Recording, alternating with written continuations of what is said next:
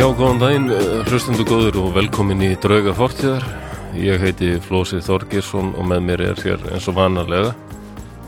Þú sem allar að kynna þig núna. Já, Baldur Ragnarsson, fyrir ekki, ég var bara svo hátt í headphone-unum mínum að ég var bara með fullan hausaður, býtu. Er það? Það er að taka þetta allt eftir. Ah, hvað er þetta núna? Halló, þetta er Flósi sem Þetta talar. er passlegt. Ég fann bara svona Já, dofan og leiðan hellast yfir mig, komið þið sæl, þetta er Flósarinn sem talar. Þetta er flolsinator.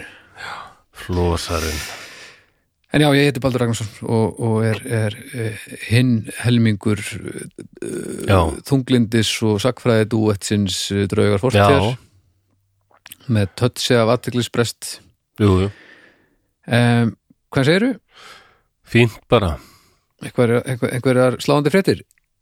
Nei, Einhverjar uppeyður í lífinu? nei, Nei. ekki, ég talaði, ég man ekki hvort ég talaði eitthvað um það í síðasta þætti að ég hefði fundið dálítið sterklega fyrir þunglindinu Já, Nei. ekki um það síðast. eða það ekki? Nei, ertu, er þungt í þér? Búið að vera?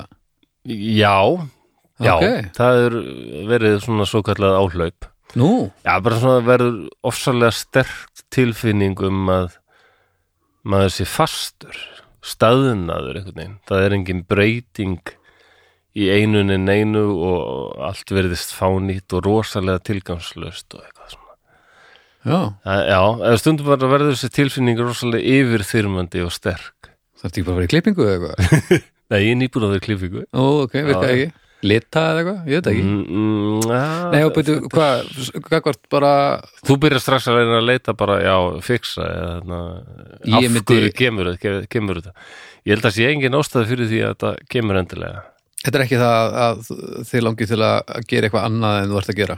Þetta er bara breyting á, á stemmari heila. Nei, þetta rekur mann kannski daldi í það samt Ég Já. fór að hugsa bara, Næs. já, kannski er full mikil stöðnun Ég, kannski, ég fór að hugsa meir um að bara, já Hvað geti ég gert til að gera eitthvað annað? Ég er nú samt að ennþá að huga því að gefa út sólaplötu og Já, hvernig gengur? Já, bara vel, ég held að þetta verði og það er ímislegt, skemmtilegt í, á næstunni svona, ég meina Já. maður fyrir okkur ykkur ferðalög og svona. En eh, já, þetta er bara eitthvað tilfinning sem verður yfirstyrmandi. Já, fyndið það því að ég held ég að held að þetta sé sjúkdómurinn sko. þetta er nefnilega, ég hefði skrifað undir þetta sko í, í november og desember. Já, já, svo um leið og í janúar datt inn þá svona byrta til, mér varst byrta yfir þér og, og þú varst í ægilegu stuði. Já, ég upplýði ekki nálætti eins og þú varst þarna í, í november sérstaklega nei, nei. núna sko, það var meira svona ofsalur dóði, svona líkamlegur dóði þetta var en svona, þú varst náttúrulega bara mennskur hafragröðskur stundum hérna. Þetta var ótrúlegt stundum sko, já, alltaf skemmtilegur og alltaf jafn klár sko, það en þetta alveg bara, bara óðalegur eitthvað þú varst bara svona eins og dalalæða sko, já, annarkort búin að sofa í 20 klukkstundur eða tvær já, Það er nákvæmlega það þannig, lýsir sko. svo mjög vel þannig að já, Nei, þetta þetta kemur var meira svolítið svona óvart æ, sko. bara ofsalega stert tilfinning að lífinu hefur verið kastað á glæ og það er engin framtíð og eitthvað svona. ég held að þú hefur ekki þetta geði ekki.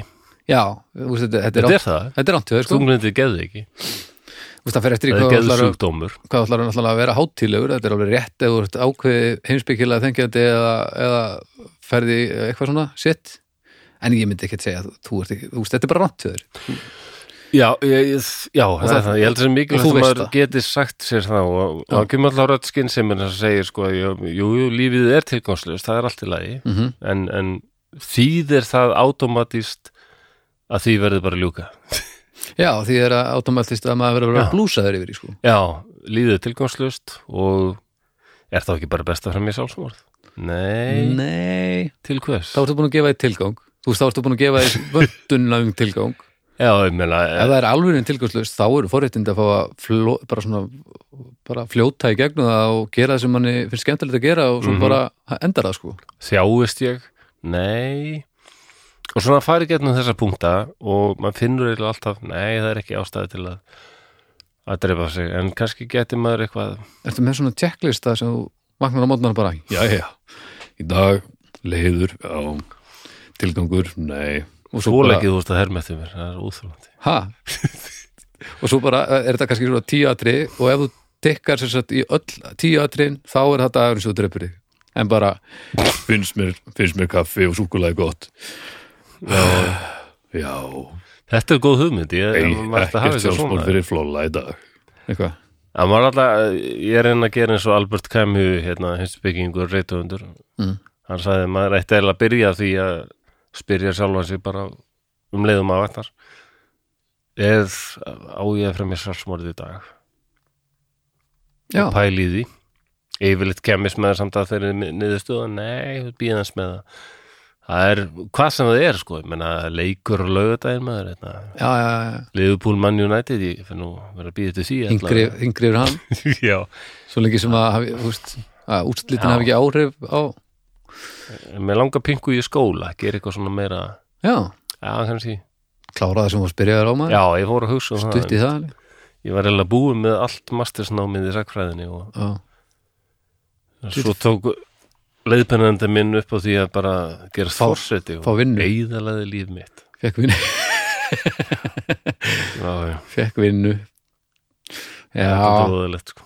ég er ekki með stúdent og, og Ha. finnst þú hafa kastað lífið inn og glæði meir en ég sko. Nei, ég, ég er með grunnskólapróf það er bara, já, og liftarpróf Hver, nei, og eitt innpróf, eitt innpróf, hver setur, ég lærður ekki eitthvað grafíska gra, miðlun hönnun eitthvað? Já, þú já, með ADHD það er, það og skólanám fer ekki vel saman það er, nei, það virkaði ekkit spes þegar ég, veist ég, það- nei, það virkaði ekki. Nei, en ég hef samt aldrei prófað að læra eitthvað sem ég hef brennandi áhuga á og hvað þá lifjum sko. þannig að kannski myndi ég eisa þetta í dag ég hef ekki hugmyndu Nei, em, það eru bara þá nokkuð nokkuð margi vina minna sem eru ekki með einu sinni stúdarsfá sem hafa samt alveg ekki dreipið sig Nei, og komið sér ágætlega fyrir í, Já. Já, ég held að ég myndi nú sent kála mér af, út á skólamálum. Já, já, já, nei, það er ekki það. Ég bara, eins og segir, klára það sem maður byrjar á sko. og mér finnst líka gaman í skóla. Það ég fann einhvern veginn það var eitthvað, mér finnst æðislegt að vera að læra eitthvað sem ég vissi ekki áður og hlusta á, á svona fólk sem er frótt um eitthvað sem ég að bara æðislegt. Já, ég man þegar þú sagði mér þegar þú varst nýbyrður sakfræðinni að, að þá varstu að upplifa upplifa það að læra án þess að þurfa að hafa fyrir því af því að þ- þetta er bara það sem gerði dagstæðlega núna, núna er það partur af einhverju stærra sem þú færði í lokin skilju já, ég það já, magnað sko. Ég veit bara ekki ég hvað þetta byrjaði, var ég byrjaði í dönsku að læra dönsku. Já, já, já, það var þú notar hann að minna.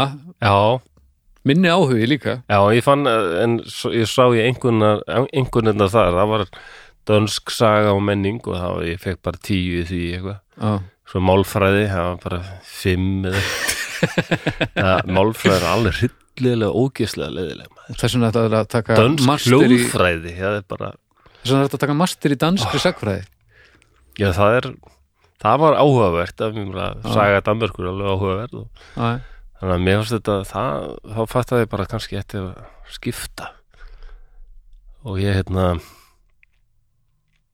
en ég, það var sko ráðgjafi í háskólan sem hafði sagt mér sko að ég er ekki með stúdensfrá Mm. mér tókst einhvern veginn að koma mér inn í dönskuna en Ok. svo fór ég að spá í þessu út af því ég bara hafði verið í skóli í Danmörku og talaði dönsku reybrennandi og búið í Danmörku og svona, Já. gætt sínt fram á það þannig ég fekk undan þó, komst undan sko.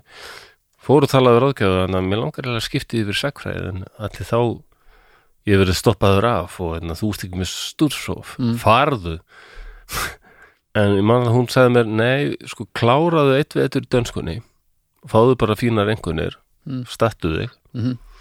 og ef þú klárar eitt vetur í háskóla þá ertu bara, góður já það er bara bara að sína og getur getur verið í háskólan ef ég ætla að vera í og ég háskóla gerði það og svo sótt ég maður að breyta og það var auðsótt mál ef ég ætla að vera í háskóla þá lítið geta bara sínt fram á að ég hafi haldið hljóðkirkjunni gangandi ár?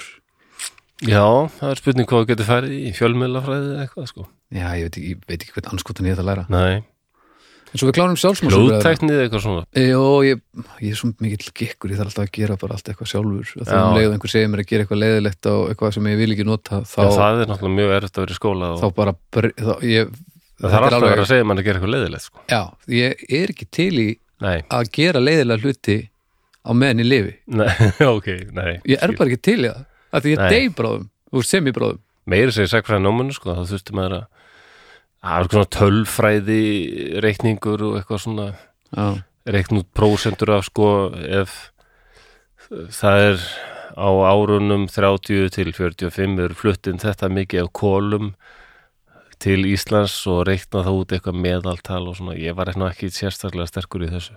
Já, hér sko. Þetta heitir hagsaga, þetta er alveg svona blandað hagfræði og sögu og bara já, ég, stýst þú að mikið um svona tölur og... ég geti örgulega pluma með ágætlega þessu að ég er ágættur í, í, með dölurnar en Ok, á móti kemur þá veit ég hljómar sjálfsmór samt aðeins betur núna. Já, og án þess að gera eh, lítið úr, úr hagsakfræðingum landsins, já, þetta myndi ekki henda mér en Nei, það. er held ég mjög mikilvægt að þetta hendi öðrum. Já. Það er nokkuð sem heitir hagnýtt menningarmiðlun sem ég er aldrei spenntu fyrir. já, Og Það er einmitt Já. þetta að, að rekta sögumannir basically sko, já, og hvernig áttu að miðla. Þá erum við ekki að tala um- því hvernig á við að um miðla miðla bara svo það sé sögu hreinu. og fræðilegum atbyrðum, þjóðfræði líka svona. já, við erum ekki að tala um miðla bara svo hlustandir viti það Já, ekki, er ekki ekki fara að miðl miðlað handan. svona sagfræði miðill ég, heyri henni Já, ég heyri henni manni þetta er Napoleon Bonaparte. Já, svona sagfræði miðlarnir sem fá alltaf bestu samtölin. Væri- ka kanonur úr fortíðinni. Ég er nú mjög skeptiskur að það Ma- Napoleon Bonaparte kemi og, og miðillin sem kann ekki til frönsku myndi bara skilja hann. Svo er ég ekkit vissum að nútíma frakkar myndi við allir skilja Napoleon ef hann kemi hingað og fær að tala. Nei, en ég meina, franskan hefur ekki breyst svo mikið. En ég meina ef hann er ennþá draugur þá getur hann alveg hafa lært ensku þú veist, maður er ekki bara eitthvað draugur og bara, þú veist, hvað gera draugarnir Napoleon þeir bara hataði, býða til að að það geti ekki gert neitt Napoleon hataði fáa jafn mikið eins og breyta þannig hann hefði aldrei vilja að læra ensku held. Já, ég meina, en það var á þessu stutta æfiskeiði, ég meina, svo bara líður tíminn þú veist, þegar, eftir nokkar eftir ákveðin tíma, þá er Já, það já, drullum já. eitthvað, þú veist Já, já, Napoleon Við verðum að tala um hann eitthvað tíma en gaman og skulir, við skulum vera komnir til Fraklands að þáttu dagsins fjallar er um Frakland ok, sem er, er er, er já flottur hattur? Nei, hann er, Nei. það eru uh, Nei, nei. brútal hattur sem Napoleon var að skarta. Já, hann er æðislegur.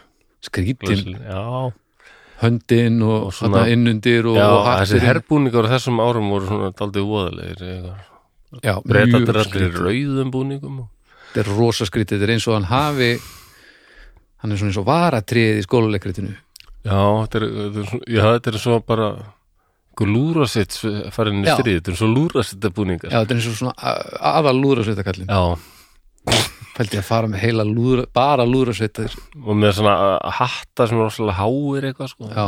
það var ekki beint í fjölulitunum svona, Nei, þetta er, æ, þetta er mjög sérstætt herru, hérna, eh, við skulum tala aðeins um styrtalæðin okkar já þeir, eru orðinni tveir. Þeir eru orðin tveir nefnilega. Byrja báðir á bíu Double B, Já.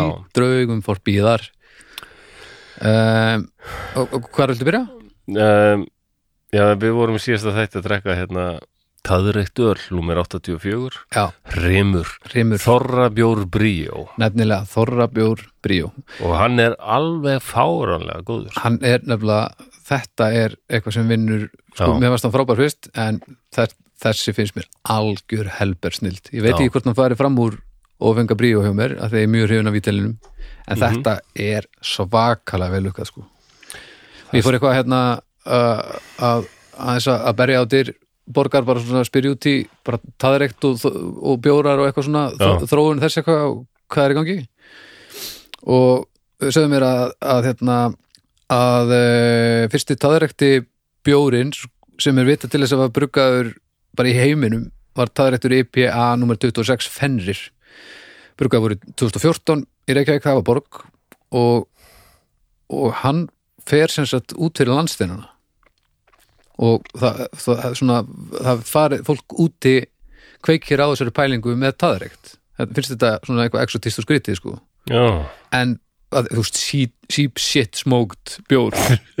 En að samaskapi þá hérna heldur þau náttúrulega að þetta væri gimmick sko, bara Já. gimmick. Þetta væri bara svona hérna er bjórin okkar og við viljum aðtekli og það sem kom fólki svo mikið óvart er hvað þetta er. Taðreiking er stór partur af menningu okkar já, í matarvenjum sko. Og, og ólíkt sem ég var ekki mann að pæli, ólíkt sko rútspungunum og öllum, öllum rottnunar dæminu og öll, öll þeirri, þeirri svona matargerð já, þá er reykurinn partur af daglega lífin okkar það er alltaf hangi áleggið það er alltaf, við erum alltaf að vinna með reykt dót í einhverju formi. Hverjum datt þetta fyrst í hug? Prófum að taka skítin úr kindunum þurrkan og svo rey, bara Kveiki neyðin honum naktri konu og að láta kveiki reikin skít, leika um kjötið sem ætlum síðan að borða. Neyðin kennir naktri konu, konu að kveiki kúk. Ég held að það sé bara það kom með. hugmyndir sem mannkynnið fengi í gennum tíðan ég beti ótrúlegt sko.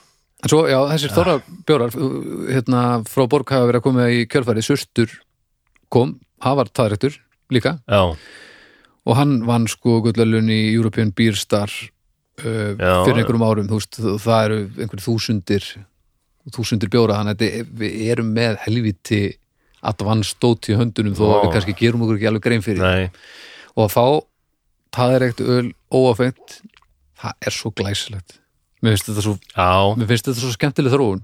Mér finnst það að synda þetta sé bara mér finnst þú leiðir þetta flexi búi á landinu. Já, að því að nú er flexi uh, einn af vinnum mínum sem að hérna, hættir liði. leggur, já, leggur glasi á hilluna áður en bjórmenningin fer eitthvað að staði hérna heima. Það væri svo gaman að að kíkja á þetta með honum sko. Já, þetta er bara smá, smá já. hérna í beinni. Við bara dílið við það já, en hérna hann ákvaða að flytja til Portugal já, alveg bara það er alltaf Portugalið ég var beigðið eftir þessu. Já, já. Hann, hann flexi fyrir á fætur við fyrsta Portugal wow ó, það er svo langt síðan ég sé kitt og flexa. Já, já, Sakna- ég var mjög langt síðan. Ég þeirra, þetta er gott fólk sem já, þau ákvaða að fara það er bara ég held að líka að þeirra val ég held að sé í góðum ég held að sé í góðum málum sko. Það verður bara gaman að geta kíkt á það einhvern tímann. En já, tekja á, á hreim í hérna búðum núna. Svo er það hinstyrtaðalinn okkar, það er bónus. Bónus maður. Mm bleika svínið maður. Bleika svínið á, á gula bakgrunninum eða grísin eða hvað sem þetta er. Já, þetta er svona þetta er spari, sparigrís þetta er fyndið logo sko. Já, það var ekki að gera sig utan á fylgisbúningunum ég veit ekki hvort það er ennþá Nei, fylgir voru stiltir að, æ, bara í þessum appelsínu gulu búningum með bleikt svínu utan. já, það er ekki alveg að virka sko. Hey, þetta er samt, þetta er illa afgerandi logo, þú veist maður, maður sér þetta já, já, alveg og maður veit nákvæmlega hvað er í gangi. Já, þetta er helviti vel eitthvað hvað það var það sko, spari og bara tilvitnun í spari bökin nákvæmlega.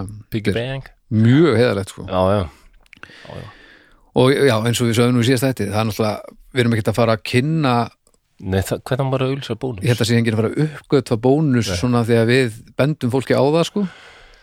Þekki allir bónus og hann er náttúrulega bónusverslanir út um all land. Já. en nú vitið þið sem sagt eins og fólk út á landsbyðinni sem kannski er ekkert að finna bríó í verslunum þar kannski allt það, ég veit ekki. Nei, já, jú, svona sumstaðar allavega. Með því að versti bónus eru þið sem sagt núna að styðja drauga fortíðar það er eitthvað.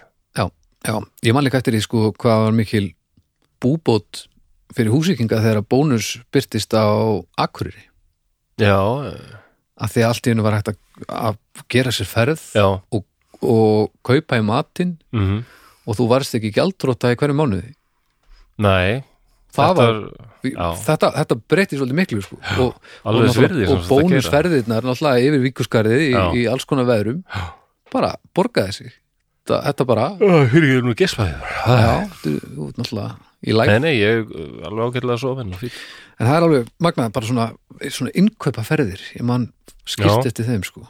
Það, ég held að margir fylla súbúr engin hérna fyrir sunnan tengja alveg við þessar menna, ég hef heyrt þetta líka frændið mér sem býr á vopna fyrir því já, ég held að hann hafi farið stundum í svona innkaupaferðir alla leið og eigilstæði sko. já, þetta er bara svona svo Danin og Þýskaland. Já, já, já bara, og þá, þá bara keiftur vel inn sko. koma þér heim og maður var náttúrulega bara halvan dag að koma þessu fyrir og svo bara matur til bara eilíf já, algjörlega snildalegt. Já, ég held ekki að já, ef ekki væri fyrir bónus þá væri ég nú sannlega, hef ég bara drepist á, á mínum stutta lærdómsferli þegar ég var í skólanum Ég- blankur? ég hef oft átt lítinn pening. Já, en þar náði ég sögul, sögulum lægðum. Eða, já, ég var helviti blankur. Ekki lánsæft og sko og, og hérna einu sinni við Bibbi byggum saman hérna, á tímabili. Já, og einu sinni þá áttu við fjögurskall og ég var sendur út í búð að kaupa mat Já. til að borða. Já, og ég var að lappa út í bónus. Nema á leiðinni þá sá ég einhverja íþróttavöruverslun og það var svona brók í glugganum. Og hún, hún já, svona íþróttabrók. Og hún var á þrjú og fimm. Mér fannst þetta svo fyndið að ég kefti þessa brók. Svo fór ég og kefti mat fyrir 500 svo kom ég heim og Bibi var svo reyður já, hún fannst þetta ekki fyndið. Nei, hún fannst það ekki, ekki neitt fyndið. Sko ekki, þá er ég ekki að meina ekki jafn fyndið um mér, nei, hún fannst þetta sem sagt nákvæmlega ekki neitt fyndið. Nei, hundra árum áður hefur verið hýttur það er engi spurning. Nei, já, já, það er bara þannig. Já, já. Góð hugmynd eftir time sko en, en já, ég, ég get nú alveg áttu þess að bróka þá já, ég held það sko. Þessu bara En fyndið þú notar þetta er orð lúr. brók þetta er eitthvað sem mamma hefði getur sagt. Brók, hvað er Ég þetta er eitthvað hvað hefði þú notað? mm, bara buksur buxur, þetta er ekki buxur. Þetta eru nærbrækur sko.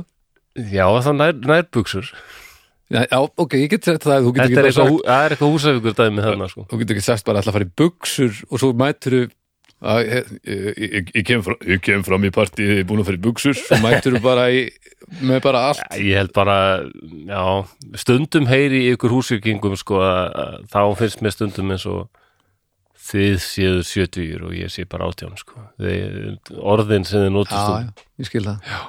brók, ég, Já. ger, ég nota það bara eins og bara venjulega sko Er það fór til sjoppiflósi? Herðu, ertu til að kaupa handa mér eitt stykki? Hva? Ég gleymi þess ekki. stykki og hvað? Ha? Endalega bara eitthvað stykki. Veist þú hvað það er? veit ég hvað það er, hvað menur Ég vissi ekki, hvað er það að meina? Stykki? og hvað eftir að segja mér að fólk myndi almennt ekki skilja þetta Eh, alveg öruglega ekki, ég er bara samfærður um það. Engin úr kópavóin fatt, myndi fatta. Kaupa stykki? hvað fórst og keftir? Ég var að spyrja, hvað er það að tala um? Bara eitthvað svona stykki eins og Prins Pólo eða eitthvað svona? súkulaði stykki, Já, ég, hvað menur ég það veit var að það vera núna. súkulaði með svo að þú svo að Já, það já, er bara og- keft bara eitthvað bara eitthvað, bara eitthvað. Það heitir bara súkulað og brjósik hérna við sunnan, það heitir ekki stykki og móli. já, Já, hér hérna, ég væri til og með að kaupa kannski nokkra móla. Þetta er ekki, hvist þetta alveg svo þessu 1918 bara. ha? Já, ég heyri þetta stundum sko. ég trúi ekki að ég sé sem litið tala- eldri en þú Og ekki sér talað um að, að, að fá sér mæru.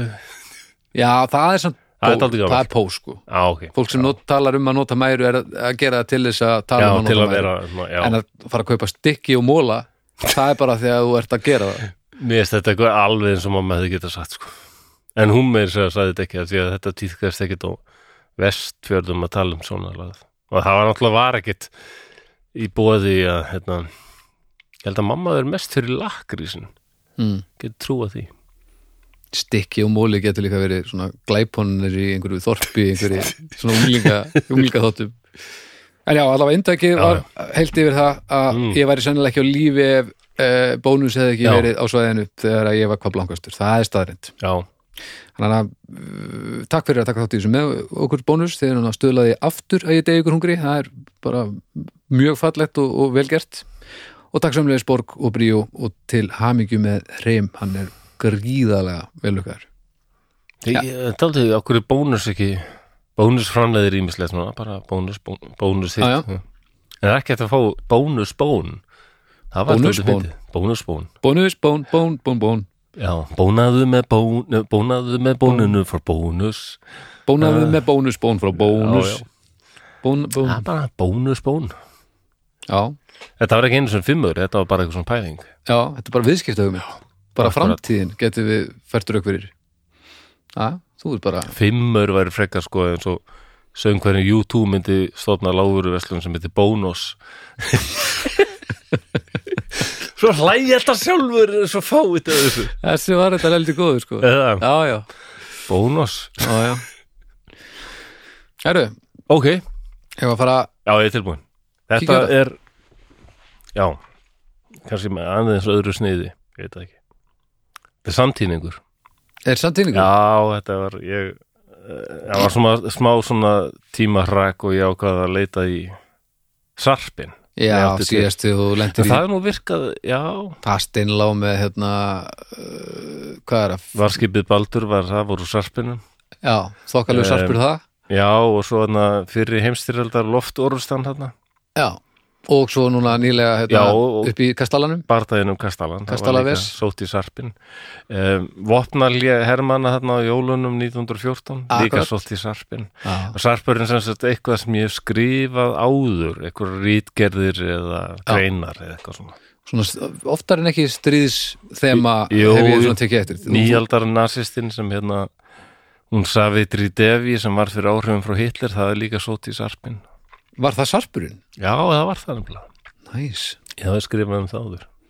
Sarpurinn er góður staður. Já, þetta, ég held að þetta geti virkað. Já. og það hefur mér verið, verið ég sé það á umræðu hófnum góða. Það um, var eitt sem nefndi að hann hefði kannski áhuga að heyra meira Úr sarpinum? Já, um þetta um Frakland okay. og hví fasismin hefði ekki náð jafn miklu flugi þar eins og til dæmis Ítalí og Þýskalandi okkur.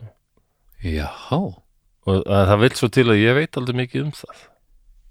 Spennó ég hef alltaf verið aldrei svona haft áhuga á sögu Fraklands hún er mjög áhuga sem og ekki svíst í setni heimstöldinni við höfum svona ímynd af Fraklandi í setni heimstöldinni það var bara allir í anspyrnunni og einhverja svona sætar stelpur sem tala með fónskum hreim með svona breskar helbissur og svona Sorry, eitt elsnött, ætlum við ekki að acknowledge það að ég sagði bara spennó hérna nei, mér finnst það skemmtilegt. Ok, höldum áfram. Spennó, Já, ég bara, ég heyrði mig segja þetta og bara hvað er að gerast, hvað bara já þannig sem ég kem þykir þetta náttúrulega mjög eðlilegt Já, þetta var líka tónnin Spennó! Ég var Spennó. bara svona eins og ég var enn að gefa pitsu sko.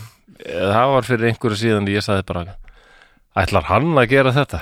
Glætan Já, og ég man ekki út á dóti mín einhver sem bara fór að hlæja sko Glætan, hvað er þetta? já, ég sko, ég verð að- núna verð ég alltaf að gera aðeins grína fyrir að vera þúsund ára, af því að nú ert þú ótrúlega uppfæriður þúsund ára maður Samt þúsund ára sko. eh, samt þúsund ára Já, og það, þúsund ára ég held að, að ég fatti aldrei betur hvað þú ert í rauninni gaman, gamall en þegar þú segir við segjum Netflix, þú segir Netflix Nei, ger ég það? um, ég, var, ég var hérna að horfa á Netflix. Bara eins og þú hefði fengið þáttaröð í, Er í það? netagerðinni bara, já, þetta er svo gullfallegt þú mátt ekki vera meðvitað, ég bara Nei, þetta Netflix finnst mér ljótt. Já, en eðlilega fólkið sem er undir Já, undir, þú veist, hvað þú ert gamall, segir það sko Netflix, það Já, er svona ok. Netflix, en á ennsku er þetta svona er, það ekki meira svona Netflix? Netflix, Netflix, jú, þetta er, jú, við erum basically að sleppa tíðinu í alveg. Já, við erum svolítið að bara sletta þessu. Netflix en Netflix bara Já, svo þetta hljómar ómikið eins og Netflix finnst mér. Og það er ómikið svo eitulefja til, tilvísun því fyrir mig. Já, það, Það þetta fá er ekki, bara Netflix. Já, en sko, já, eh, þú, þú neglir flixið sko, það er net, Netflix. þú segir net alveg eins og flugna net Já, eða, eða bara, já. Þetta er, þetta er fullkomið sko. Ok badminton net, þetta er alveg net, badminton netflix þannig að þetta er svona ég, þetta gleður mig gríðalega, ég er að rósa þér og pína að gera grína Já, já, akkurat, skil. Það verður bara að hafa það. Já, já, ég fyrir ekki ég ætla ekki að hérna, trubla frönsku Já, það verður aldrei verið spáði og ég, ég tók kurs í háskólanum sem fjallaði þetta um hérna fortíðarvanda þjóða. Þjóðir sem eiga alltaf erfið að fortíð. Já, hvernig díla þær við það. Það er nefnilega, mjög spennandi.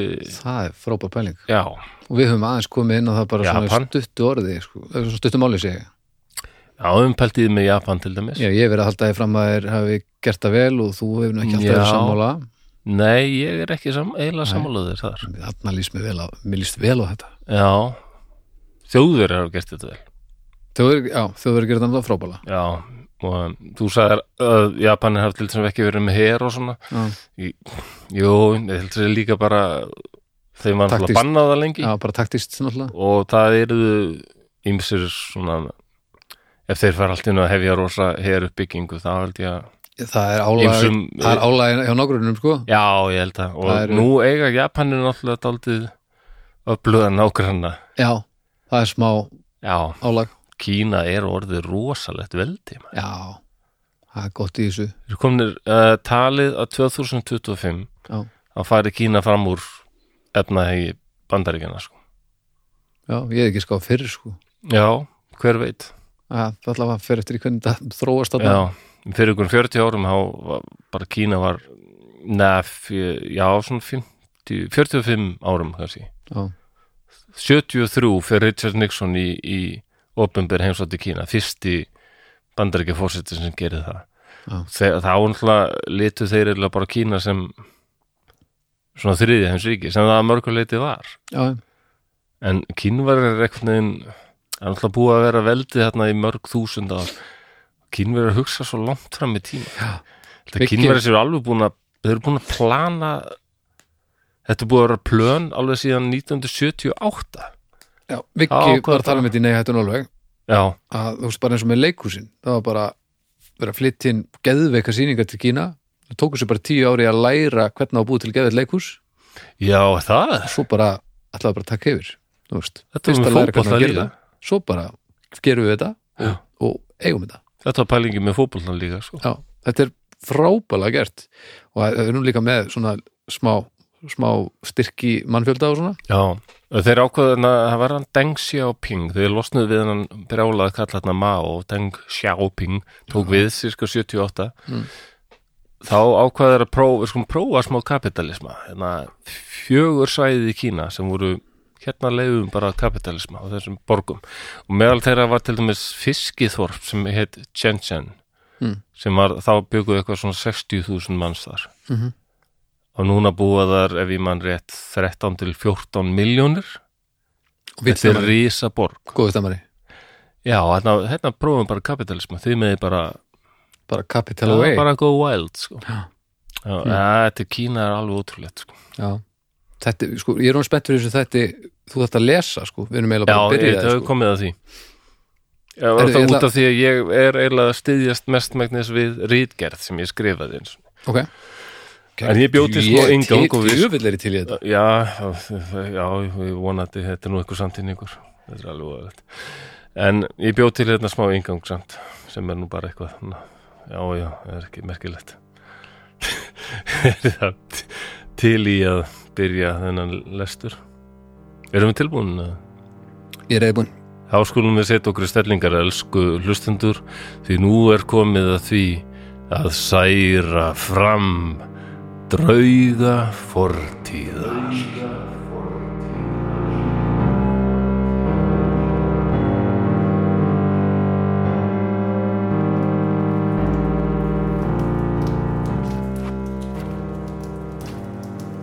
Klukkan er fjögur um nótt. Allir í fasta svefni. Nei, ekki allir. Ekki ég eða félaga mínir. Og bráðum mun allt þetta hverfi vera vakandi. Mér finnst þetta alltaf skemmtilegt. Ég elska að sjá skelfingarsvipin á fólki er við riðjumst inn með látum. Og ég er orðin svo reyndur í þessu að ég sé samstundis hverjir hafa eitthvað að fela og hverjum er bara eðlilega viðbröðið. Ekki skil ég hví sumir taka það að sér að fela þennan ruslara líð. Nú er ströng matarskömmtun svo fólk þarf að sjá af mat í þetta pakk sem hýrist sem afætur og sníkudýr inn á heimilum nýtsamra sæklýsingja sem halda líklega þau séu að gera eitthvað góðverk. En sem meðlumur í Milís fæ ég stærri matarskamt svo ég get ekki kvartað. Já, emmitt, svona er gýðingum rétt líst, afætur, sníkudýr. Búa í samfélögum annara þjóða en tilheyra þeim aldrei. Ekki skilji heldur hví Frakland ákvað að berjast gegn þjóðverjum frekar en með þeim að vera frekar í bandalagi við Bretland þjóð sem eru herjað á okkur frakka árhundruðum saman óskiljanlegt ég held að það sé vegna starfs sósælista og kommunista fyrir stríðið og einhver arfleið frá fyrir heimsturöld en Þískaland nazismans er allt annað en hið keisaralega Þískaland með því að ákveða að berja skegg þjóðurum hafa þessi eidileggingar öll júðana og bolsevika unnið gegn Fraklandi. Nú er komið að því. Við hendum okkur á hurðina og um leið kveikjum við á sterkum flóðljósum allt í kringum húsin. Rattir takað heyrast í gjallarhornum. Takið eftir. Við erum Milís. Við höfum fengið tilkynningu um að gýðingar leynist hér inni. Verið kyrr í hýpilum ykkar. Allir sem gera tilrund til að flýja verða skotnir. Nú heyrast skelvingaróp innan úr íbúðum. Við vitum vel að það er gýðinga fjölskylda hér inni. Á nefa verða þau komin í lest á leiðinu austur til Pólans áður en sól sest.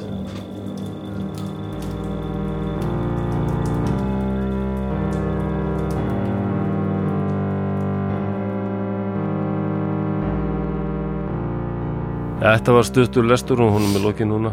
Það er Fossi Þorkisson sem var að ímynda sér hvernig hafi verið að vera meðlímur í félagskaf sem hétt einmitt þetta Milís sem þýðir bara Milísja eða bara uh, sem er eitthvað skona svona her, borgara herin.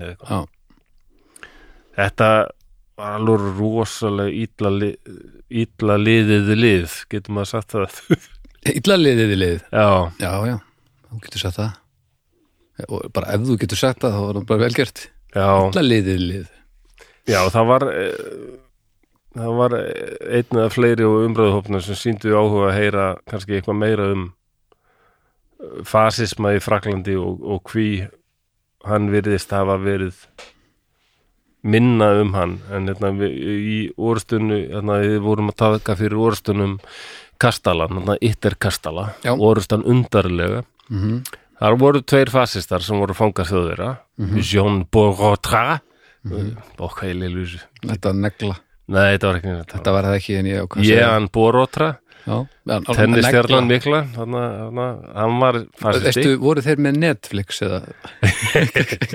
Þegið um, og svo François de la Rocque François de la Rocque hann hérna hann var leitóði Quatufu sem hérna eldkrossin.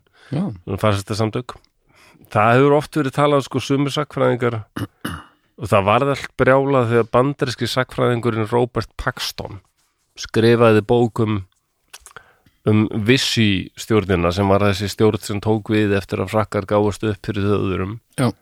það var frakkar eiginlega nei, þjóður eiginlega stjórnuð Norður Fraklandi þeir vildu hafa aðgangað þarna að hafinu til dæmis sem snýri að Bretlandi og svona sko. Ok En Suðu Frakland, það var Vichy stjórnin sem stjórnaði því og Vichy er bara lítill bær í Fraklandi mest þekktur að vera eitthvað svona uh, eitthvað baðstofu bær baðstofu, Já, það eru eitthvað sundlaugar og, og heiti pottar og svona. Já, þetta vatn. bara spa? Já, svona spabær. Spabær, Spabær. Er það til? Já, já. Já, Já, já. en skrítinlegt já, allir það ekki. Hún var, hvort hún var staðsett þar stjórnin held ég. Ok, hún var mjög djöfust ekki, hún var ekki veliðin stjórn að vera bara í, á, við ætlum að, við ætlum að ráða hérna Suður Fraklandi og við erum með, höf, með hérna, grunnbúðir Já. í spabænum. Það er tótið magna, svona hálf farsista stjórn Já. ráðist við þangað ætlum inn. að flytja höfustofar okkar til bláa lónsins. Já. við ætlum- þetta er bara að vera það þú, já, þú er að ráðast að hennan bæ og Já. meiri leir á andlitið á mér. Meiri leir, já. Þetta er undarlegt að vissi svo náttúrulega frækt flottustu neglum Frakland stríðinu. var mjög svona þekktasta líðræðis og eitt svona einn fyrsta líðræðis landið í Evrópu og bara, eh, hvað heitir það, Liberty, Egality, Fraternity mm. einhvern orð Ertu frelsi réttlæti bræðralag? En vissistjórnin hendi því? Ekkert að gera við þetta, þetta er fáránlegt. Bara og tók frekar, ég get ekki sagt á frönsku en það var sér sagt hérna uh, fjölskyldan neða, það var föðurlandið fjölskyldan og vinna já, bara daglegt líf. Já, Bara- það, voru einhvern orð vissistjórnarinnar. Fjölskyldan, föðurland, vinna. Þetta er náttúrulega svona, í, þetta er í svona slókan heiminum. Já, ef við ættum að setja slókun á vikudaga já, þá væri þetta mánudagur. Þetta er bara svona vinnuvik hann að byrja og, og engir flugveldar já spenna. mér finnst þetta óspennandi sko. já, þetta er voða bara að vakna á því maður verður að gera það. en það var það, það var eiginlega svona hálf fasísk stjórn, það voru alveg menn í þessari stjórn sem voru algjörðu fasistar sko. Já. og svo voru alltaf þjóður að voru með þarna ein fólk, ein ræk, ein fjöga já, ein þjóð, eitt ríki, eitt fóringi svona slókun það er alveg föstudagur sko. já, það, það er stuðið því. Það er svona fymtudagur föstudagur. Það er svona meira, já. Já, kannski á fymtudagur kannski og þessi Robert Paxton sem er bandarísku sagfæringur, hann er alveg skilgrind fasisma, hann vil meina að séulega bara tvö ríki sem getur kallast fullkomin svona fasista ríki. Það eru Ítalía mm. og Þýskaland á þessum tíma. Já. hann segir til um spott þar er það er eitthvað svona dýnamískara við en fasisma vill hann sko. Já, ekki, ekki grjótart uh, svona tunnel vision mission. Tunnel vision mission? Hvað ættu þetta að vera? Bara tunnel vision mission ert bara, Tunnel Vision Mission já, og sért á ég er að segja tölvu mission. Nei, Já, tunnel tölvu. vision Tunnel Vision, nei. sem úrst gjössanlega blindaður af málstæðanum og, og ekkert annað kemst að. Nei, eins og spátt til dæmis undir Franco það, meina, það var bara svona íhaldsamt, íhaldsamt kirkjan ennþá mjög sterk Já. og bara jú, jú, Franco einræðis herran, hann er eiginlega þetta er meira svona daldið eins og konungsríki. Já, já, Já, skilja ga, svona gamaldags og, og styrt eitthvað já, meðan, já, meðan nasistættir í Þýskalandi voru með svona allski svona projekt sem voru nýstáralega daldið og já, og bara drullum ímislegt sem var búið að gera sko. Já, það var svona fútúrismi í þeim, sko, það var Já. hugsað til framtíðar og Já. byggja hraðbrautir og allir eiga að hafa fólksvagan, fólksbílin, já, já. og bara, fólksbíl. nákvæmlega bara flughundar bara handa við hóðinni Þetta er bara, þetta orð, fólksbíl, þetta kemur bara beint frá nasistum. já, Og já, ég voru að setja, reyna að ímynda mér hvernig það hafi verið að vera í þessum milís sveitum, sko. mm. Það voru allskins menn í þeim sveitum. Það Já. voru alveg 40-50 þúsund manns, kannski það mest var. ok, minni mig Já. ég veit að sko fransku, fransku anspyrnunni þeir voru mun hrættari við milísveitirnar heldur en SS og Gestapo ekki síst bara út af því að það voru frakkari í milísveitunum já, já, já, þannig þeir gáttu áttu öðuldara með að lauma sér kannski inn í hópa og þeir þekktu uh, þeir þekktu alltaf svona díalegt að reyma í Fraklandi þú gast kannski logið einhverjum frökkum, já, við erum komið frá Normandi eða logið einhverjum þjóðurum sko, en, en Mhm. þessir milísmenn þeir tók oft eftir ímsu sem þjóðurinnir tók ekki eftir. Já, og eru úr ítræðendir líka bara, og veitna, kunnu í staðarháttum og, og, og, og rætnir og sumir þeirra höfðvist sko, það vill gleymast að, að bandamenn gerðu rosalega loftarúsir á franskar borgir sko. já, Já, það er til dæmis einn staðurinn sem margir vit ekki að breytar hafa mikið talað um loftarúsir þjóðveri á Breitland já, en það létust fleiri í loftarúsum bandamanna á Frakland heldur létust í þjóð, loftarúsum þjóðveri á Breitland ha Já, það, þetta stríð ennaflega þannig að- en það voru samt ekki ja, ofsafengnar í magni, er það?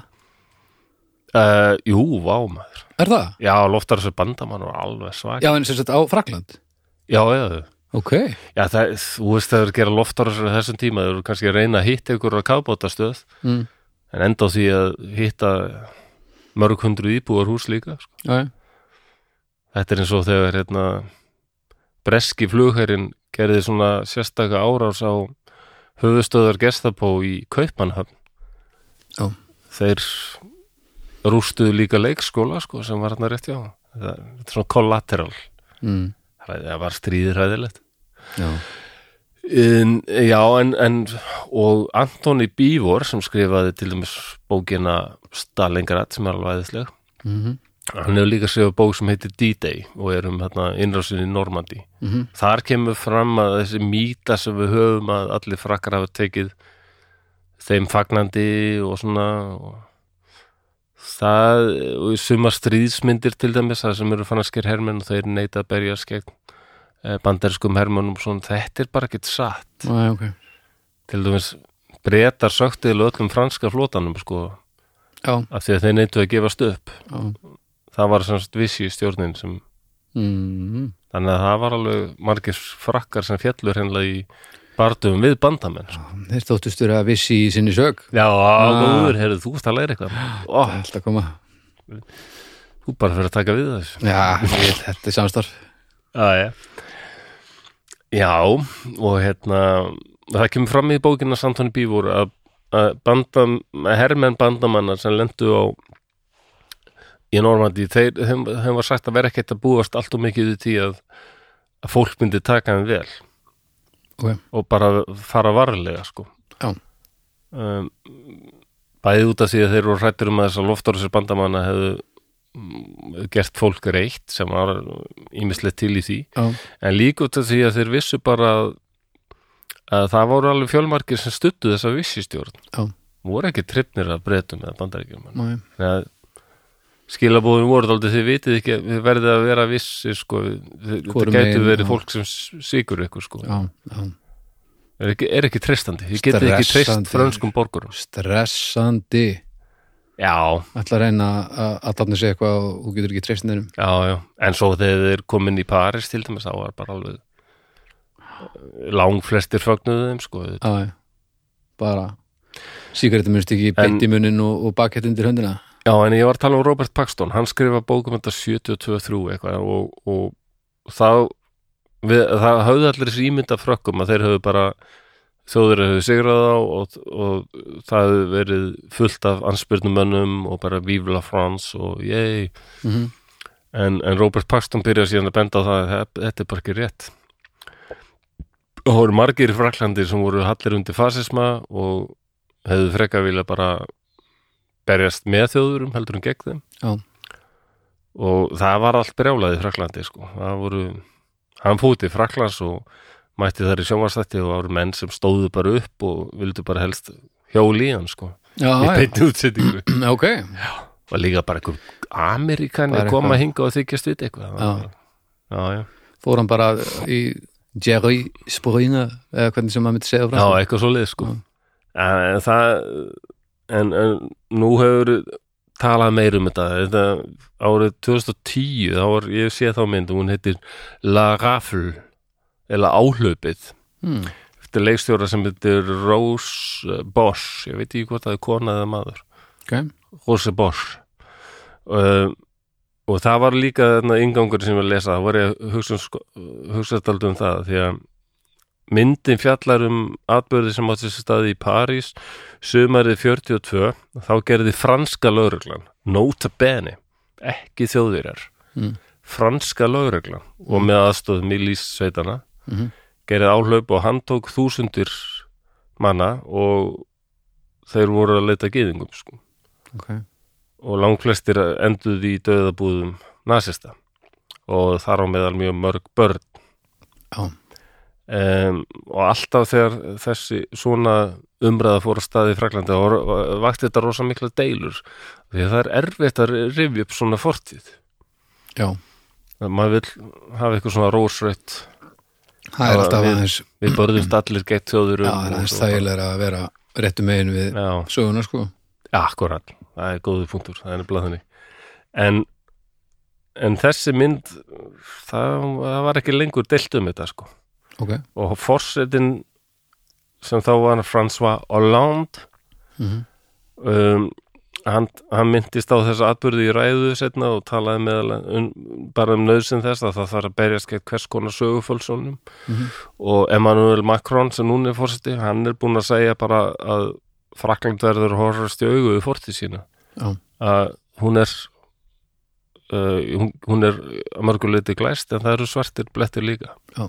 Og við bara getum ekki leift okkur að líta fram hjá þeim. Lát eins og þetta sé ekki svona. Nei, hann að þetta er þetta er að verða aðeins svona það er alltaf þekki allir hérna þátt þarna samtökin Front National. Mm.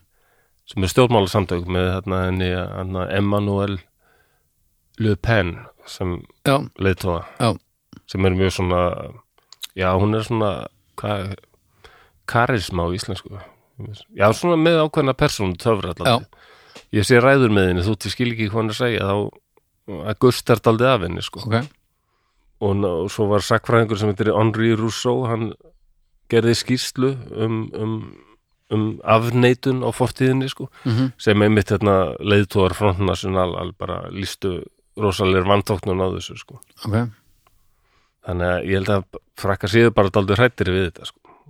Að þessi Og- draugur sé ennþá þarna. Já, og það er grunnt á því að fara niður sko, þá, þá er þetta íhald þarna ennþá sko. og svo Er er þetta- kathólst og íhaldsamt og útlendinga hrætt og vill frekar og, og ítlaði sósælisma og svona það er en hver eru gallarnir við að gangast við þessu?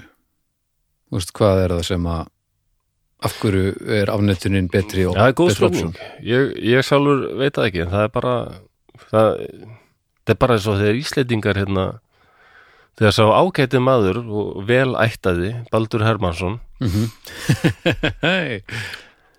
já, á ég að segja þetta var náttúrulega ja, ja. Baldur og ég erum hálfbræður sammæðra, jú, þegar hann hérna gerði þætti árið 1993 út sjónvarsþætti Mhm. sem meðlega gerðu nákvæmlega þetta. Bara síndu bara að Íslendingar því miður, við höldum að við höfum svo flotta fartíð bara svona sveita romantík og baðstöfu romantík og já, já, já, nei. Nei. það er það ekki. Það er bara margt hræðilegt þarna. Djú, það var alveg, fólk var alveg bara, það var brjálað. þætti hvað eru þessi þættir? YouTube, Djöfull, er ég til í þetta? hefur ekki séð það? Nei, ég held þú getur haft gaman að þeim. Já, það verður að rífa raskat á mitt fólk Já. það er bara allt sem ég vil. Það er meira að segja hérna bregður fyrir einhverjum sveitapilti sem hérna er sendur til að verða karlmanni í eitthvað ver. E- e- já, fari í sjóróður af því að hann hérna, hann prestsonur sem hefur gert hann óleik að gera eitthvað vinnukonu óletta og sendur refsingarskinni mm. í, í sjóróður og er að ganga þarna yfir eitthvað hjarn og, og rennur á því og Er þetta bara taktanum nýf Það er rosa góðu leikar leikur, leikur akkurat þennan býtu, býtu Er, er, síðarður fallegur ungu maður er prestsonurinn í, í, í, í Já. hljóðverinu? Já, það er, Ertu prestsonurinn? já, ég leik sem sagt í þessum þáttum Ert ekki að grínast? Nei, já, þetta var mann er alltaf ógeðslega kalt þegar við vorum að gera þetta. Og ég átti ekkert að detta. En við gengum á einhvern söðskinn skóm sem Út bara method, náttúrulega.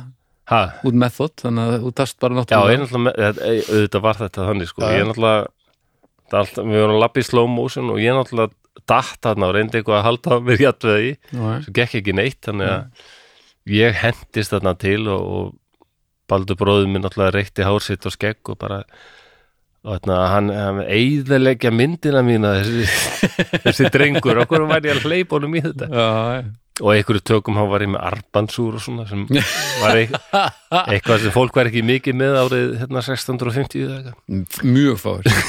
Egið lengi og hérna ég var með Eirdal líka sem það var mikið þessum Ekkert skrítið að að Það senda hann í róðu sko. en svo þegar hann sá þetta ég var að hendast svona en þá bentu menn, honum á nei þetta er bara frábær leikur hjá hann þetta sýnir mitt hvað þetta verið erfitt ganga yfir hjarn og, og svell og, Já, já, þannig bara já já. Þetta er keift en, Þetta- keift úrið ekki. En gummi vinnu minn, hann sendi mér einmitt smá videoklippu, hann var þess að þætti á YouTube og sendi mér smá videoklippu þar sem sérst prestsonurinn. Ég var með sítt og fallið þár. Já, þú ert nú enn með sítt og fallegt hár. Það er bara ekki allstaðar Það er, já, það er daldið mikið horfið að þetta síðan, sko. Já, þú ert eini maður sem ég þekki og eini maður sem ég bara veit um sem, sem, sem ber sköllett og það er ekki skrítið Nei, það er gott að gera það það. er ótrúlegur hæfileiki Já, hann ætla stefnir í þetta, einhvern tímann verð ég komin ver, verð við bandamenn ég á eftir að verða eins og bara bandaníkur og ég breytt hlakka sko. til að sjá það alveg hillilegur sko. Ég veit ekki hvernig maður verða þessu Ég var bara bassalegur í Napalm Death Hvað heitir hann? Sean Ryder? Nei, nei, nei, hann var í Happy Mondays Shane eitthvað, Sean eitthvað ég veit ekkert sko. En hann er alltaf, Sean hann er með sem frekar svona feitur Já. og Hann er með með ansi- rosa sköllett sko. Já. og Með þess svona, að ál krulla þár og svona eins og brjálar vísindamæður Já, svona eins og hann hafi orðið fyrir eldingu já, hafstíl sko. og alveg, og er bassalegur í svona punk metal sveit Já. hann er svona eins og, Læsimenni eins og haukur við þar eftir 20 ár ef hún væri drullu sama Já, það, það er aldrei máli heldur bara. Vera bara dullu sama, já, Já. maður er eldist og fokk, hvað með það? Er anskoð sama. Maður á ekki að vera bara vaskreitur þegar maður drefst sko. Já, segðu, segðu. En já, þetta er rítgerð, hvar á ég að byrja? Ertu með einhverja spurningar um þetta? Eða, sko, nei, ég er náttúrulega ég er að fara að læra mjög mikið í þessum þetta Já, að, ég vona þannig að það, þetta ættir að, að, hérna, að liggja mjög mikið á þér. Já, uh, nei, engar spurningar bara útskýra þetta mjög vel og ég vil bara halda áfram sko. já Það er líka merkileg heimildamind sem er um, en ef þessir þættir, við náttúrulega hljótum að henda þeim ef, ef það er ekki einhver nú þegar búin að gera það sem er að hlusta þá Já. hendum við það þessum þáttum inn á umræðugrúpuna á Facebook Já, ég held þessi á YouTube sko já, ég vona Þeir eru það, aldrei verið síndir aftur á rúf, aldrei hvenær var þetta gert, segir 93? þetta er bara stórkoslegt og var það bara út af uh, umfjöllunni Ég veit ekki okkur þetta hefur aldrei verið endur sínt ég bara sennilega veit það ekki. En ég held að ég að það var allavega sko það voru umræður um þættina í, í sjónvarsalmanni og það var Gísli Gunnarsson sagfræðingur, mm merkilegur maður Já. sem hafði verið aðstóða baldur við gerðar sér að þátta. Ok, og hérna, hann var hérna einn í sjónvarsal og það voru aðri sagfræðingar hérna og, og það stóði alveg öll spjót á Gísla bara fólk var eiginlega alveg brjálað yfir þessu sko, og eru semst aðrir sakfræðingar ósamála þessu, ekki lengur. Ekki lengur. Nei, En- ég held að langflesti séu á því að þessi þáttur þættir bara þeir gerðu ákveði þeir bara, þarf, við, Já. við höfum svo mikið tendens til þess að fegur alltaf söguna. Já, já, ég meina og, og Guðni fórseti, hann hefur til dæmis talað um þetta að þessi hætta þegar pólitíkusar er að nota söguna sér í hag sko. já, og hérna, Davíð Oddsson reyndi þetta daldið að sverta Guðna í fórseta baráttunni hérna 2016 ólíkt honum. Með því að vísa til þess að Guðni hefði skrifað um þorskastriðin já, og gert lítið úr þátt Íslendinga þætti Íslendinga í þorskastriðunum já, þetta því að var bara ef ég væri Davíð Ótsson þá myndi ég ekki rífast við Guðuna um þorskastriðin endilega, ég myndi velja einhver, eitthvað annað. Enda tapaði hann. Já, En hann, líka, nú- hann tapaði nú líka út að hann var að hlusta á hiphop í einhverjum bíl. Var hann að því? já, aftur hann greinlega held ég að ná til unga fólksins. Nei, já, það gekk ekki. Vissi ég ekki? Davíð Oddsson Já, hlust á hiphop í ykkur bíl. Já, já. Já, enda tapaði hann sko. En, hérna, en þetta var, var þess að Guð, Guðni hérna sem hann alltaf bara, heru, hefur þú enga sómatilfýringu Davíð? Já, þetta nákvæmlega já, já. hvernig nennur að þetta er ganga svona langt? rosalur tendensmaður þú veist, drekkingar heilur. Nei, þetta var bara við, þetta voru bara vei, veiða síli og Já, mitt Já, við, við höfum nú talað við höfum talað um það í einhverjum þætti hérna. Hvað, um drekkingar heil Já, ég sambandi við hvað var það Hjálp. Mm, nú er ekki viss. Já, ég var að tala um sko einmitt að þessi örnefni á þingvöllum er öll svo hræðileg. Já, þetta er hérna, þetta eru bræðurnir upp á kili. Já, var það það? já, ég held að það verið þeim þetta Já, það getur verið sko. Einmitt, Já, Reynist það- strekkingar, hilur og brennu gjá og eitthvað svona Já. þú veist, ef að en, en þegar við sínum útlendingum þi- þingvelli þá er bara gæði, hérna voru vikingar og settu lög og, og sannlega flott og glæsilegt Og svo hérna, ég ætla ekki að segja ykkur hvað þessi hóll heitir Já, þú segja hvað heitir þessi hóll Hann, Já. hann heitir, hann heitir hérna kærleiksbjarna hóll Af Því að hérna komu kærleiksbjarninni saman Já. á fyrsta kærleiksbjarnaþinginu Eitthvað, fimmur, fimmur og, og, og stara Já. og hérna staðrindir svo vissustjórnin í Fraklandi hún vann rosalega með þjóðurum og sérstaklega að koma að því að fangelsa að ná gyðingum sko, framselja þá Mm. Það var SS-fóringi í Fraklandi sem hérna, SS og SD fóringi sem heit Knochen. Knochen? Já, hann var hérna yfirmaður einhverja deildar sem sá um gýðinga, flutninga og eða bara, þetta er svo undarlega titlar. Knochen. Þetta var eiginlega mikið búrokrati til dæmis fann ég á YouTube þarna, þýska mynd frá 84 sem heitir bara Wannsee Conference. Der Wannsee Conference eða Die Wannsee Conference. Mm. er sem Wannsee fundurinn sem er mjög frægan fund Já. sem var haldinn í útkværi Berlínar við Wannsee vatnið eða, við hvað sem það þýr Þetta er réttur utan Berlín. Ég held ég 30, neða, janúar 1900 janúar 1940 Ok, og þar var bara að vera að tala um geyðinga vandamálið já, hvernig þetta taka á því? Og þetta er merkileg mynd sko, hún er fín það hefur verið gerð ykkur amerísk mynd í framhald af henni sko, mm. sem heitir Conspiracy eitthvað svo bara hún er ekki eins sko, þessi þýska mynd.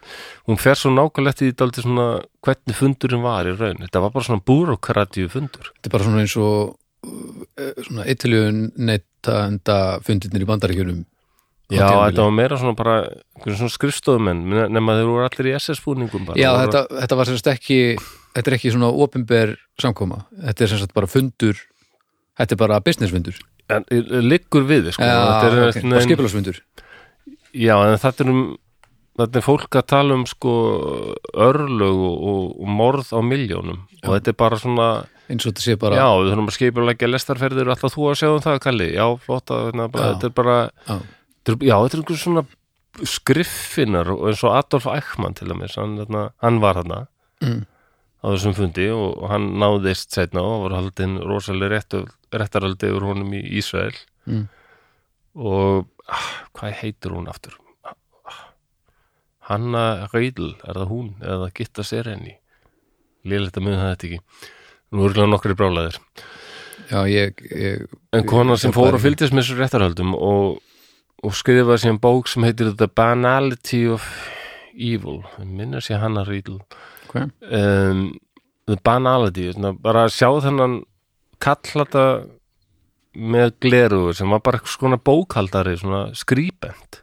Mm þetta var ílskan holdið klætt þessi auðlalegi maður þarna. Nákvæmlega það bara eitthvað svona skrifa tölur á blað og skipulegja lestarferðið til Póllands. Og er þá bara búin að skipulegja hörmungar. Já, þannig er líka þessi mynd Hanna Arendt Hanna Arendt auðvitað. Já.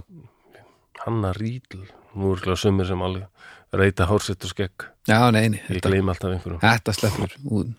já, ég en uh, eldsnögt bara svona einn pæling. Já, að því að ég maður hefur ekkert næstar voru skipulaðir og þetta var svona þannig. Mhm. Ætlaði að vera ársátíð Já, já.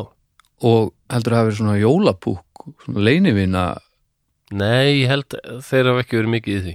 en svona, þú veist, hópeflið var rosalega svona yfirþyrmandi hefur hef verið eitthvað svona það hafi verið bara eitthvað svona Jólapúk eitthvað. já, jólapúk Leinivina, já. le, Það, veist, gaman að því, ég tók þátt í því, mitt. veist, þetta hefur verið alveg stór undarlegt ef það, ætla að hafi verið þannig eða var það ekki nóg cool fyrir SS Nei, það eru þeir- ásáttíðir, sko. Og hérna, alveg Já, já, rosa flott, sko. Já, já. Smá pressa að matur sér góður en já, Ok. sorry Þetta var uh, mikilvæg spurning. Já, ég var bara að pæli svona skipulagsfundur og svo er það svo er það, við þurfum að fara henni yfir ásvartíðana og þú veist, Já, verið skemmtinend nasista eitthvað, segðu. ógeðsla spes Það er eitthvað þetta, þetta fægra minningar og, og þakka niður hitt og þetta, sko. Það er hérna, finnst þetta heitlandi. Og Frakland er spennandi dæmi og það er heimildamind sem heitir The Sorrow and the Pity ég veit ekki hvort þeir eru á YouTube það gerði cirka 72-3 Ok. en við þannig upp úr 70 þá far frakkart aldrei að líta sko, og ekki, ekki bara frakkar, þjóðir og margar aðrar, Mhm. mörg önnur lönd sko og þá kemur í ljósa þessi ímynda sem frakkar hafa af stríðsárunum, hún er ekki alveg eins Nei, það voru ekki allir í anspyrninni, bara þvert á móti Já. bókstaflega. Og anspyrnum var rosalega klofin. Það voru kommunistar voru með anspyrnu Mhm. en svo voru konungsinnar með anspyrnu og svo voru bara þeir sem voru franski föðurlandsvinnir. Og þetta lið vildi kannski ekkit vinna með kommunistum engan áhuga því. Konungsvina já, andspyrna. Og það var Pant erfitt að ekki- sameina þetta ekki, lið. sko. Erfitt að sa- sameina þetta lið ef ég man rétt þá ég held að hann heiti hérna, ah, ég, ætla að reyna ekkert að treysta á minnið ég held að hann heiti- hafi heitið Jean Moulin Mm. hann var þessi anspyrnum fór ekki sem tókst að sameina anspyrnum í Frakland og ég var ekkert í Bordeaux eitthvað og sá bara allt í einu minnismerki og, og eitthvað svona lítið sapn og bókabúð allt tilengað Jean Moulin hmm. og svo hitti ég frakka sem ég var með þarna, ég var þarna með Erna Ómars og, og, og þeim og við vorum að sína þarna í Bóttó ég hitti frakka þarna og sagði, já ég fór í smá lappetúr og ég sá að það er hérna minnismerki um Sean Moulin hérna, hérna, var hann hérna frá Bordeaux? Og þau sagði, nei það er, nei, nei, en það er, er minnismerki um hana allstæðir í Fraklandi þannig að þetta var Æ, að því hún tókst þetta, sameina anspyrnuna já. gífulega ólíka hópa bara hvernig í helvítinu gerum maður það? Bara, það er góð spurning. Maður mætir bóðar alla saman og gefur öllum þverjundóttarpeysur Það eða bóli alveg- og þá bara Jú, ég myndi þetta rétt, Sean Moulin vel gert, vel gert. Hann var þarna forseti þjóðar reyfingar frönsku anspyrtunar bara. Já, hann dó í stríðinu sko. Já, ok.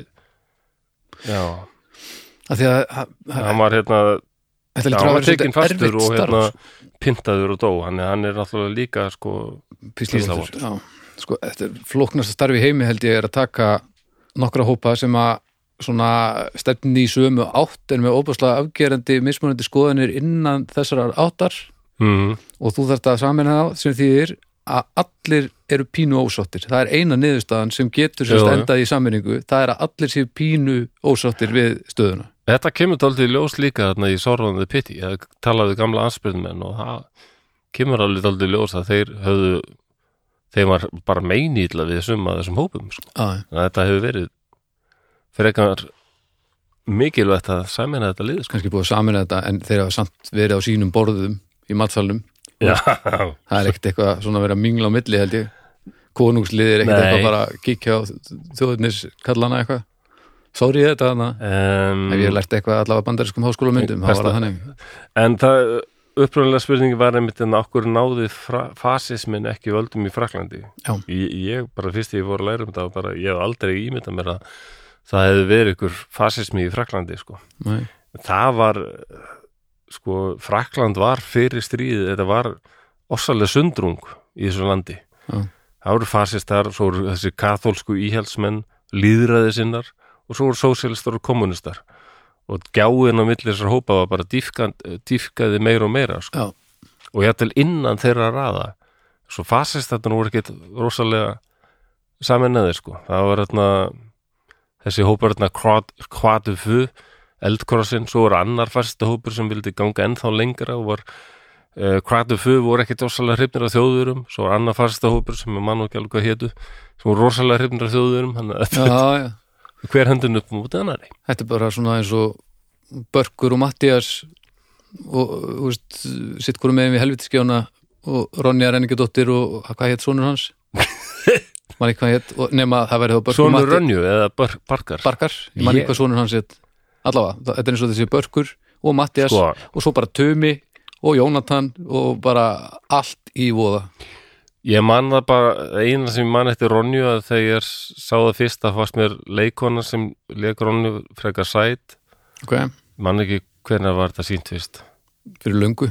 Eða ekki, ég Jú. vonandi hef það mér til afsökunar hafi verið frekar lítill. Já, já, já, ég potið. Held að, já, hún var samt með svona hún var samt svona með svona vorsala tætinslegt hári eitthvað. Mér staði eitthvað daldið flott sko. já, já, og svo man ég að hún festi fótinn einhver staðar eitthvað, það verður eitthvað litlar veru voru rassalöfnir sem var alltaf að segja eitthvað Akkurru?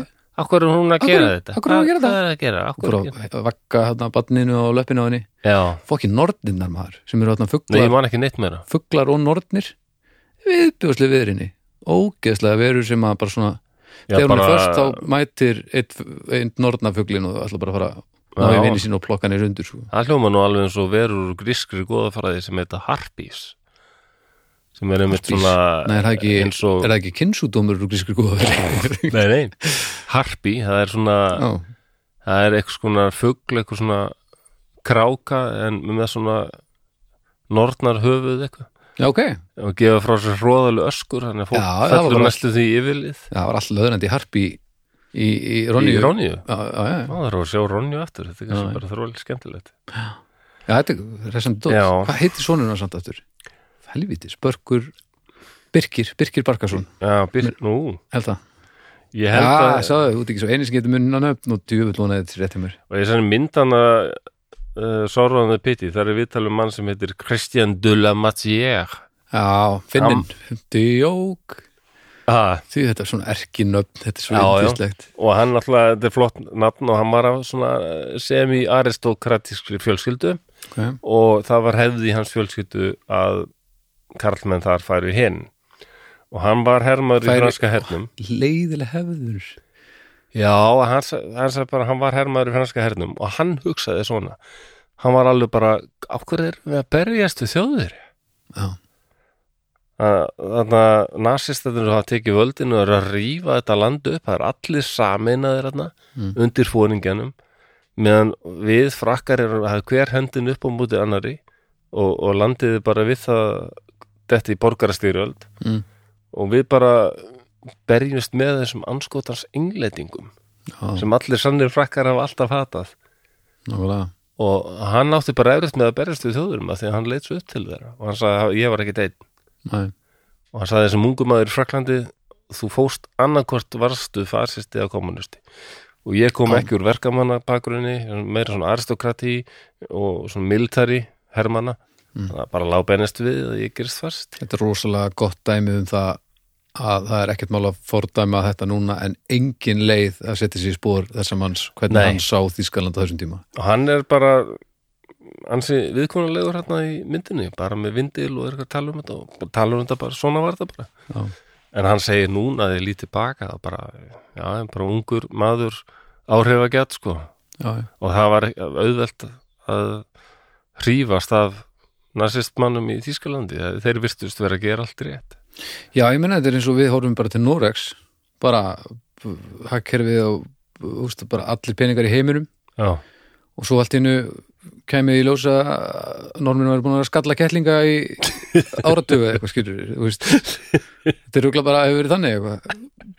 Já það er einhvern veginn svoleiði sko. Mm. já, já. En, og það kemur fram í þessi heimildamind sko að sérstaklega það eru fyrrum hermenn þarna, þeir segja samstæðan var léleg í hernum. Einmitt, það voru sumir sem bara hölluðust meira í átt að fasismannum Já. og aðrir sem voru meiri svona sósialistar Já, og yfirmennindir flestir ykkur svona voðalega gamaldars kallar sko. Og þetta útskýri daldið okkur baráttan gegn þjóðurum hafi verið ósamstæð og veikburða þráttur að franski erinn hafi verið já, hann var mjög fjölmennur. Þeir áttu fleiri flugvelar, fleiri skriðtrykka en þjóðurjar já, já. hefðilega átt að geta varist betur sko. Ef að, ef að það var ekki samstæða Nei, ef allir hefðu beitt sér í sömu átt. Já, Já, um, Já, og það voru margir sko í- hermenn þú veist, fljótasti maður í heimi hann getur alveg verið svo fljótasti að hlaupa en ef hægri löppin vill fara þangað og vinstri löppin vill fara Já. þangað þá er þetta þá, það langt, er einmitt, já, það er gífulega sko. og þannig var fyrsta vandamál. splittið til sennilega sko, í, og svo 31 eða 32 þá hérna þá eru eftirlaun hermanna skorin niður alveg rosalega vegna þess að það kreppa mm. Og þá er náttúrulega margir fyrir þetta hermenn sem verða mjög reyður og, og gegn þessu helviti síð, líðveldi Já, sem virðist ekki geta neitt sko. Nei, og þeir, margir þeirra höfðu verið í skotgröfunum og þar hafði verið maður sem héti með þetta Petan Petan Marskálkur. Ok hann varð leiðtói í vissi stjórnarinnar sko. Hmm. og tók við, tók við stjórnartömmunum í Fraklandi og eitt af það fyrsta sem ég gerði var bara að leitast eftir að ná gera votna hlefið þjóðurja sem er frið. Já, já. Og þessir hermenn mm. fyrir um hermenn, litur náttúrulega Petan Marskálkur hann var sko þjóðar hetja, hann var svona stríðsetja Ok, hann hafði tekið við þetta franska hernum og þegar franski herin var alveg að molna í fyrri heimströldinu og hafði blásið um aftur e, byr í brjóst og hérna já, lappa upp á liði já, var svona hetjan frá kallaði bara hetjan frá Verdun. Já, sem frakkar höfðu, já, tekist að verja stjóðurum á heituljan hátt. Jú, jú. Þannig að þeir margir fylgdu honum sko. Og hann tók við þarna vissi var leiðtóði vissistjórnarinnar. Ok, í februar 34 þá voru óverðir í París. En það sem voru hægri menn sem hérna gengu hérna voru mótmæla. Mm. bara það var svona ofsalega pólitísk krísa sko. Já. mótmæla líðöldinu og svona. Og lögregla mætti og skaut á mannfjöldan það voru alltaf 15-20 mann sem dóu sko. Og hérna sem eru hrættir að þessi hópur allaði sko að reyna að hrifsa völdin. Ok, og hérna, þetta, þetta voru meira og meina einhverjir fasistar sko. en í framhald af því þá hérna, e- já, þessi, þessi völd sem eru svo hrætt við fasistana þeir, þeir, þeir voru dálítið að eflast í Fraklandi en það voru líka vinstrimenn og, og kommunistar og sósialistar og, en sósaldemokratar og kommunistar höfðu alltaf verið alveg gífulegur óvinnir mm. en, en með þá, þessum tíma, cirka 34 þá ko- koma skilabóð frá Sovjetríkjunum nei, þið að vera vinur núna. Hættan við fasismann er orðin svo svakaleg að ykkar, já, nú er þið bara saminast ykkar vesen skiptir ekki máli. Nei, það er titlingaskítur. Það er dálítið ótrúlegt sko. Kommunistar hafa alltaf verið að kalla sósaldemokrata hérna, já, hérna puntudúkkur íhjaldsins og eitthvað svona dansa bara eftir höfðu auðvaldsins og svona. Mm. og stjætta svikara og svona sko. já, já, þykjast vera að berjast fyrir verkalíðin en, en er bara að dansa eftir öð, takti auðvaldsins og æ, bara þessi gömlu. Þetta og þessi samrunu var kallað bara samfylkingin. Nei! Jú. Það er, það er nefnilega þetta sem var kallað sko, samfylking, sósaldemokrata kommunista og sósælista og bara saminning vinstrimanna. Já, og þessi hópur náði völdum í Fraklandi og fyrsta sem þið gera er að banna svona hægri reyfingar eins og eldkrossin hérna, kvatufu sem jú, jú, François væri fórsvari fyrir. Já, já. Og hann reyndar sá við því, hann François de la Roque með því að stofna PSF bara að breyta þessum þessum fasista samtökum Já. í stjórnmálflokk Parti Social Français mhm, sem var eiginlega, já, svona algjör fasista flokkur sko. Já, um, og hann var mjög, vin, var mjög vinsæll og hérna, þessar samfélkingu tekst veginn ekki að laga ástandi í Fraklandi það er djúp gjá á milli ríkra, fátækra og kommunista og hægri manna og bara þetta virðist Já. allt dýpka og hérna. Og, og það er talið að fjöldi félagsmanna í þessu Parti Social Français mhm, árið 1937 hafi verið alveg sko upp í ein miljón. Það voru kostningar sem voru fyrirhugaðar árið 1940 mhm, og margir sem telja að þessi flokkur hefði náð eða unnið eitthvað sigur sko, náð mörgum þingsætum sko, já, já bara eins og í Þýskalandi. mhm, En það hefði verið áhugavert að hægri menn hefði náð völdum í Fraklandi sko. Já, hvað, það hefði verið Það er ekkit víst og, og ef þeir hefðu gert það og reynt að setja stað, af stað einhverjar breytingar já, það er ekkit víst að kommunistar og sósialistar hefur verið ánaði með það þannig að ég, velti fyrir mér það gæti hafa brotist út bara hreinlega borgarstyrjöld í Fraklandi já, það er alveg en þjóðverjar löguðu það allt með því að ráðast inn í Frakland jú, jú. Það er ekkert sem saminar þjóð eins vel og samilur óvinnur Já, það er góð pæling, en sumir telja að heimst, heimstyraldar árin hafi eiginlega, þá hafi verið einhvers konar svona hæglát borgarastyrjöld í Fraklandi. ah, Því þá kom svo sterkli í ljós svona hverju voru. súví borgarstyrjöld bara Ha, svona súví já, borgarstyrjöld svona já, undir, borgarastyrjöld undir oki, já, gef, bara gefum þessu tíma þetta Já. mallar bara róleitunum með drekki svona uh, mínút, neða hálfmínt á hvori lið borgarstyrjöld það, það, til dæmis þessi sakræðingur sem ég nefndi hérna, sagði ekki Rousseau heitir hann, mm. Henri Rousseau hann vil meina það, þetta var bara hafi verið sko, þessi sundrung hafi haldið áfram og eiginlega bara náða náttúrulega hámarki. En eins og sagðum hann að François Deloroc í þátt, þættinum Kastalan þá, ja, hann var þjóðverðni sinni en það þýtti ekki að hann var ekki trifin að þjóðurum. Mm, og hann eða snýrist gett þessari vissistjórn, hún fannst hún of höll undir þjóðverja sko. Já, og hann snýrist í alvöru gegn þeim, hann bara fór að styðja anspyrnum reyfinguna fasistinn sjálfur sko. Það er svolítið magna Já, komu upplýsingum til þeirra. En það komst upp. Þess vegna var hann alltaf fangilsaður og, og þess vegna var hann ekki sóttur til saga eftir stríðið. Nei. Þótt að sumir hefðu viljað það ég til Já, það er svona á pappír. Ef þú ætlaðir að horfa í öll lög þá væri það kannski ekki endilega það ranga að gera sko. Nei, nei, en en það hefur heyrt um þetta, heyrt þetta nafn Gaulle já, Já, ég held að flestir hafi kannski já, það finnst mér aldrei magnaðu kall sko. ég hef alltaf, já, meira sem ég lesið um hann og svona það finnst hann mjög áhugaverður maður. Já, ég myndi nú eiginlega halda að hann hafi verið hægri maður sko. og hún, sko, englendingunum var mjög fannst hann alveg óþólandi já, hann fór ekki dullt með það að hann fyrirleit englendinga. Nei, eiginlega kom alltaf betur og betur í ljós ekki síst eftir stríði að hann hafði mikið álita já, Sú saga er sögð að þegar hann heimsótti Volgograd eða Stalingrad hér þá já, og rússarnir þar voru að segja nú hvernig barðan hefði verið og hann segir eitthvað svona þetta er alveg ótrúlega þjóð ótrúlega þjóð. Og þeir eitthvað verið svona stoltir og held að hann var að tala æða þetta er þjóðir þetta er bara alveg ótrúlega þjóð. Vandró. Já, og hann- hann var ofta að stríða bretum á þessu líka. Lesa salin sko. Já, en það er til dæmis ræða sem ég hérna sá sem hann hélt í Þískalandi fyrir þíska stúdenta 62-3 eða eitthvað svo leiðis já, ekki löngu eftir setni einstöldina en það er semst að tala við kynnslóðina sem er að taka við eða, hana. ok, og hann, hann talar á þísku sko. hann talar á þísku já, og hann er að segja hann segir þið eru þjóðverjar, ungi þjóðverjar.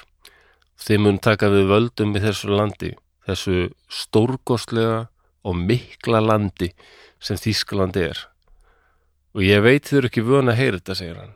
En þið verðið að heyra þetta. Þið vitið að þetta er satt. Því Þískaland er stórt land og verður það alltaf. Eitt mesta land Evrópu. Og þið eigi að vera stolt af því að tilæra þessu landi þessari þjóð. Hvenær þið eigi að vera stolt af því að þið eru og hvenær var þetta er dug gól já, hvenær? sem- þetta er svona cirka 62-3 sem hann heldur þessu ræðu. Já, já, þegar hann, að hann nefnilega áttaði sig á því alveg að hann tekur og hann te, verður fórseti Fraklands sko. Mm. og hann fer strax bara í að menna, fyrst það var bara alveg svoleiðis hemdar reyðið alda sem gekk yfir Frakland sko, fyrst, sko, það var alveg með ótölulegu fjöldi af konum sem voru sko hættar og spottaðar ofinberlega og hárið rakað af þeim já, já, já. Og, og það er nú talið að, langfæstar af þeim höfðu gert sér sekar um að vera kollaboratör horizontal. Mm. eins og frakkar kölluðu það. Já, Eh, verið láréttur samverkamaður. Já, akkurat. Leið með þjóðverðsast já, kollaboratör horizontal heldur voru þetta líka bara einhverja konur sem suma grunaði að hafa verið að hafa til dæmis hárgræslu kona sem talaði við í Sorrandi Pitti Mm. mér minnir að hún hafi hún hafi sko klift einhverja þýska hermenni eða eitthvað svoleiðis eða. já, og hún vildi meina að þetta hefði bara satismi sem hefði verið í gangi hérna og allt í hennu fullt af anspyrnumönnum sem enginn hefði séð gera neitt anspyrnulegt áður fyrr allt í Já. voru allir rosa til í að vera reyðir og... svaka kallar já, það er oft talað um þetta sko.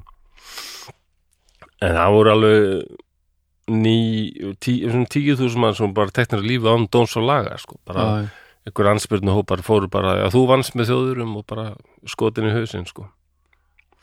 En það var einn íslendingur sem var myrtur þannig að, að, í Danmarku, Guðmundur Kampan leikskáld, leikritaskáld.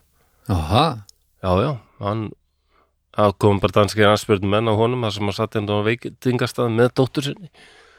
Og hérna þú þú ert hérna kollaboratör og hérna kemur, kemur með okkur. Og bara hann sagði, nei ég er hérna að borða með dóttur minni, ég fer ekki með ykkur neitt. Ég hef ekkert gert að mér þá skjótuðum við þig, þá skjótuð þið bara þeir skutan. Og það var einmitt svona bara aftaka án dómsalaga. Og dóttir hans? Já, hún, ég veit ekki mikið um hana neitt en ég hef með minni það að hún hafi verið þarna sem sé þetta gerast. helvítis, Það hefur mikið verið talað um þetta oft sko hvort að hann hafi verið eitthvað samverkamaður en ekkert staðfest. að hann aðalega verið bara alltaf svona hann hafi ekki lesið salum vel. Já, hann átti einhverja kunningja sem voru hall, eh, hallir undir. Já, Já, það er, það er önnur saga. Já. En það var ofsalega heift reyði og hendur þorsti þannig í Fraklandi mm, og en hver átti að ákveða hverjum átti að refsa og hver á hörð á refsingin að vera? Og á að refsa fólki fyrir það að hlýða vissi í stjórninni? Hlýða, menna, Hlý- hlýða skipinum? Já og, og það er mitt, ég var að tala með þessar konur það marga, þeim var alveg hræðilega og fyrir litnar og hættar og spottaðar sko. Já, en það var til dæmis fræg anspyrtu kona sem hétta segir maður það, Celia Bertin. Selja Bertin? Já, já, já, hún talaði um þetta bara allstar sem kom sá hún einhverja konur sem voru rakaðar já, eh, opinberlega og bara hendi þar steinum og það rækt á þær og allir. Mm, en svo nefndi hún til dæmis að maður sem hétt Maurice Papon. Hann hafði verið embættismadur hjá vissistjórninni og, og gert ímislegt flæmt að sér sko og hérna, hann, hann slapp alveg og fekk mér þess að bara var komin í embætti bara eftir stríð sko. en, en Doug Gould fór fljótt þessa leið Býtu bara Popon Papon hérna, Papon, Maurice Papon. Hvað hétt það? Grey Popon? Nei? Sinnepið ha, Sinnepið þarna gana ég veit ekki Já, ok, bæla hvort þetta sé, hann sé aðalaður er ekki Dísjón, sem Jú, eins og þarna, Ó, hvað það er hétt það? Grey Popon? Er það ekki Sinnep? Það ég kannast ekki við það. Sinneb er gott dæmi sko. Ég hef nú farið á hunda og sinnepsýningu í Fraklandi Lunda og sinnebsýning alls ekki lunda, hunda.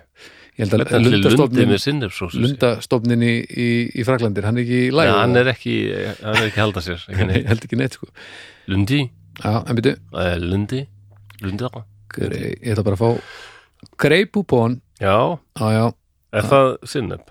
það er sinneb, Hvernig Já. veistu þetta? þetta er bara ég held að bara allir vissu þetta. Já. en þetta er originated Dijon France Já, ég bara var svona að velta fyrir mér hvort þetta væri, Já, hvort hann hefði verið og það andspyrnu fasisti slags sinneps maður? Það er líklega engin tenging. Nei, sennilega ekki. En það var sem sagt þetta, sumum fannst bara okkur verið að refsa einhverjum hérna sem hafði kannski selt þjóðurum kjöt, einhverjum bónda kannski. Já, og hann bara allt lægt í rústi á honum en aðrir bara sleppa hver á þetta er alltaf mikið vesen og dög veginn heldur átt að segja á þessu, við erum bara forgive and forget. Mm. það er bara eina leiðin ef við ætlum bara að halda þessu landi saman. Já, og en sko strax eftir stríðið það var þarna fyrst 45, árið 1945 ára alveg 50.000 manns í fangelsi sko fyrir að vera samverkamenn. Já, en þetta lið, þessu lið var eiginlega bara strax eiginlega allir þessara manna voru bara lausur og haldi fimm árum setna sko um, samt þá voru færri til dæmis dæmdir í fangelsi í Fraklandin hjá mörgum öðrum þjóðum sko. Já. Belgar tóku til dæmis fleiri manns á lífi heldur en frakkar. Aha, Já, og svo er líka það að margir af þessum fyrrum embættismönnum eins og Papon Mm. þeir fengu bara ný embætti og ímislegt það bendur kannski til þess líka að, að þeir áttu alveg stuðning almenningsvísan að það, það voru margir Mm. sem stuttuðu þess að vissi stjórnablega það var, frakkar voru með voru svo vandamál hana þjóðin er svo ósalega klofin. flókin staða sko. og ef að þú ætlar að láta eitthvað fungera þetta er bara aftur þetta er og samin alla hópana. Ef Já. það láta þetta fungera, þá verða allir að vera pínósóttir. Það er alveg aldrei þannig. Það er tuss sko. Þetta var eh, eiginlega finnst mér eins og að það var Já. bara verðum bara fórskifum um fór ef, ef við drefum þessa 5.000 þá eru bara 50.000 eða fleiri sem verða brjálaðir og Já. svolítið reyðir sko nákvæmlega. og bara og standa bara í öllum þessum réttar höldum og svona þetta er já, við vera um, og það er Robert Paxton og þessi fleiri töluðum til dæmis að, að frakkar þessi vissistjórn vann svo náið með þjóðurum við etna, þetta svo kallaða gyðingavandamál og þessi SS-vorningi Knochen.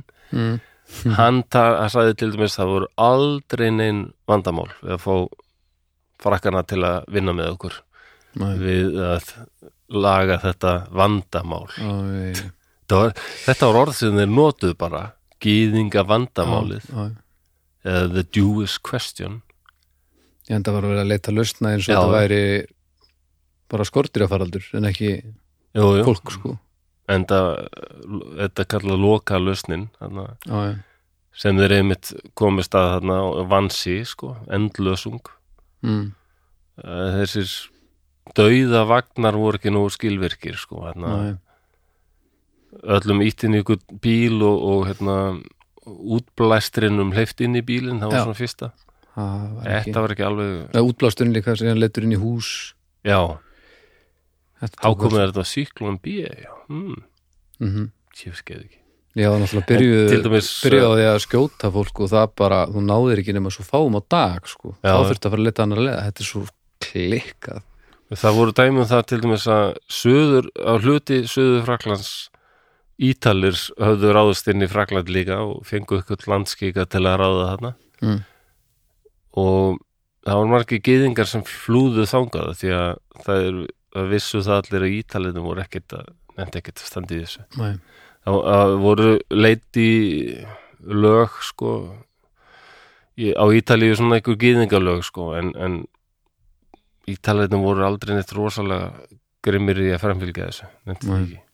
Það, það er það voru til dæmis gyðingar sem tóku þátt í stofnun farsistaflokksins á Ítalíu, þeir voru ekki alveg með þetta kynþáttahyggjun alveg fyrst sko. Nei, fasistarnir á Ítalíu. Og það er alveg vitað til dæmis fasistastjórnin á Ítalíu og Jungveralandi til dæmis þeir voru mjög erfiðir í samstæður þjóðirarnir kvartuðu því að ungarsku fasistarnir þeir eru ekki til í orsaki gýðinga fatt ekki hvað það er skemmtilegt.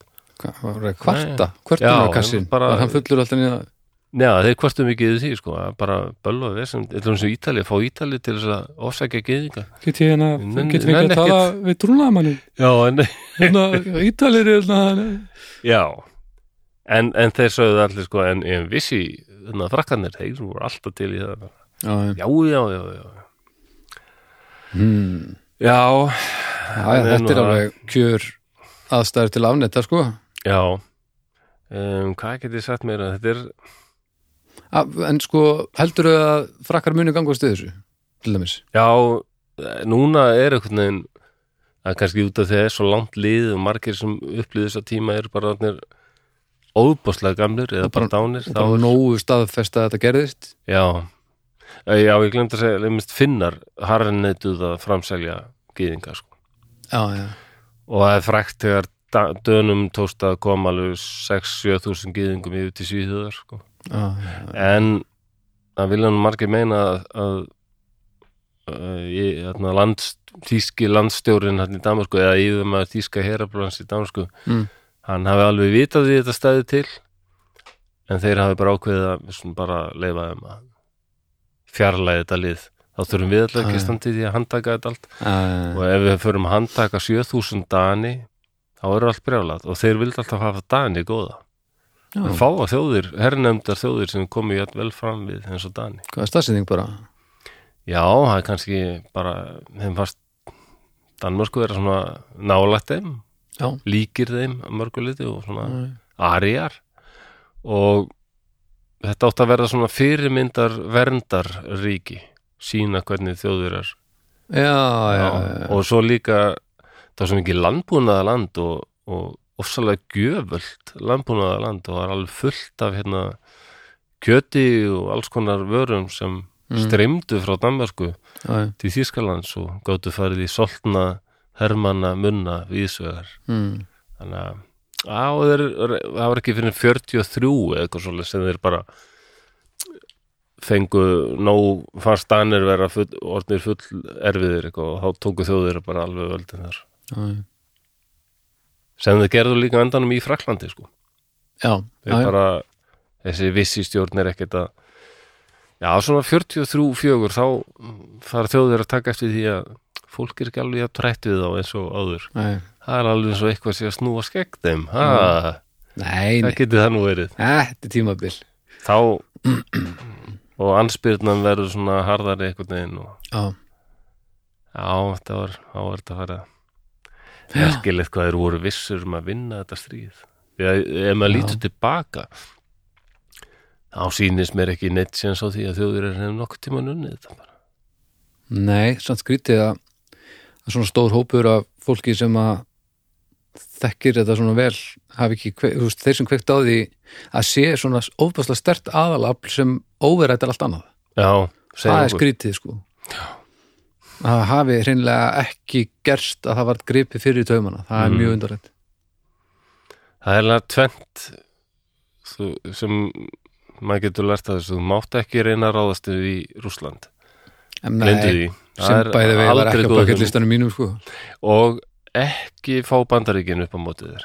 Það er þetta, allavega ekki fyrir netti svona 30 ár. Nei, kannski hver veit? 10 ár, hver veit, já. 30 ár en, já, bandaríkin er nú samt alveg, ennþá alveg svakalegt herrveldi, sko. En þá já, já, já, já, en hver veit hvernig það stendur, sko. En du gól, hann, það er fræg setning það sem að sagði, sko tími tára er liðin tími dýrðar hefur snúið hann aftur. Góður Já. ekki eftir um sko. Já, og, hún, hann, hann var náttúrulega ánaði með þetta þessa anspyrnu mýtu endilega styðja hana, sko, frakkar hafi verið allir í anspyrnunni gegn þjóðurum og en, endilega fá frakka framtíðar til þess að trúa þessu, sko. Þess vegna var þetta ekki síst erfitt þegar einhver kall eins og kemur hérna frá bandaríkjunum, Robert Paxton og, og fyrir að tala um þetta var nú ekki alveg svona hjá ykkur já, nákvæmlega. Hann hefur skrifað fræga bók sem heitir The Anatomy of Fascism sem hann er mikill svona eitt fræðist, svona frægasti fascista sækfræðingurinn. já, Bretar og bandarækjumenn hefðu getað keirt inn í París, sko. Mm. En um, það er aldrei merkilegt þegar París var tekin til dæmis, þá skilin eftir ykkur þýsk hertild þarna sem áttu bara að verja hana til síðasta manns og helst eyðileggja mikið af borginni. ok, en hann var aldrei hetja hérna, yfirmaður herablans af því að hann neitaði að gera það bara til hvers já, rúst einhverjum mikilvæg byggingum hugmynd. eftirturnin og eitthvað, endanum gátuðu þeir tekið París eða daldið á, þess að berast um hana. Já, bara samið um uppgjöf sko.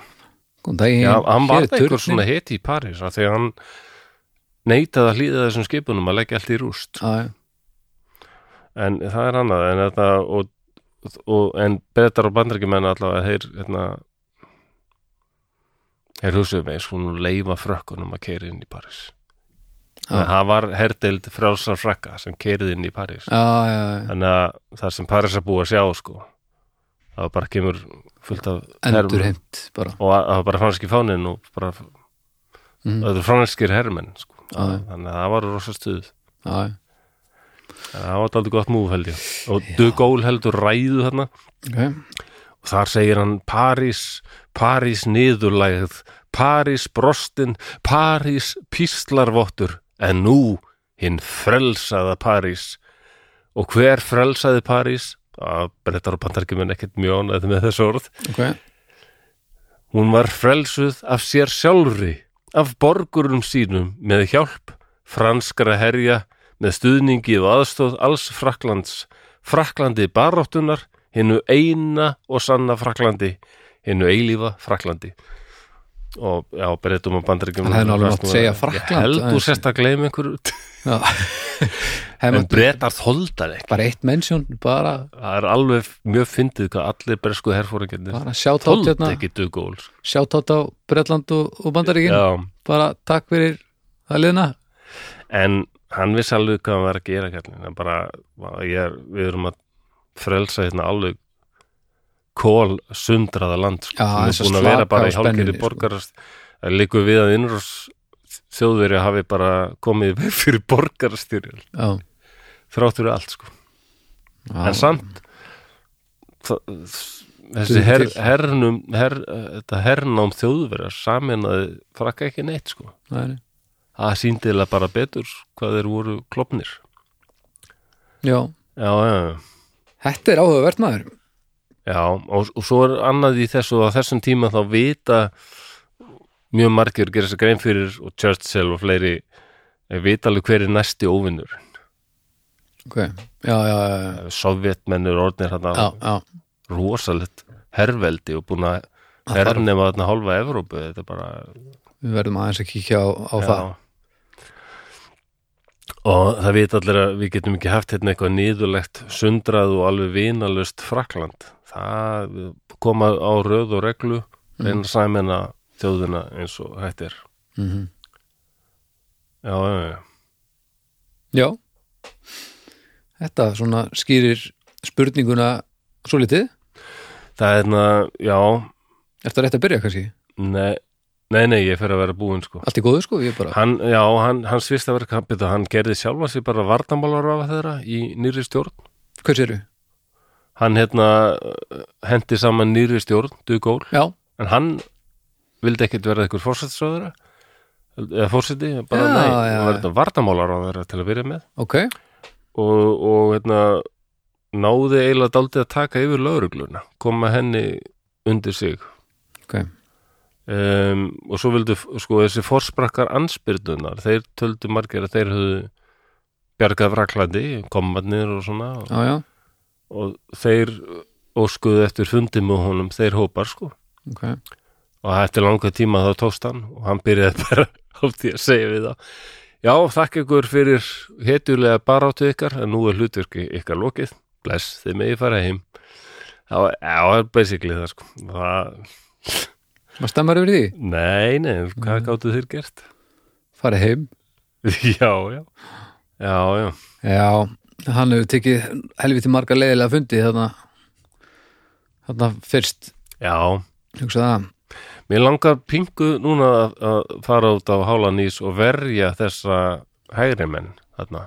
Ok. Vissi stjórnarinnar og jattel suma fasistana eins og Fransa de la Roque, gott dæmi. Þetta voru, þeir voru föðurlandsvinir sko, já, og eins og þessi Christian de la Massier þarna, sem var SS maður endanum sko, hann var í franska hernum. Mhm.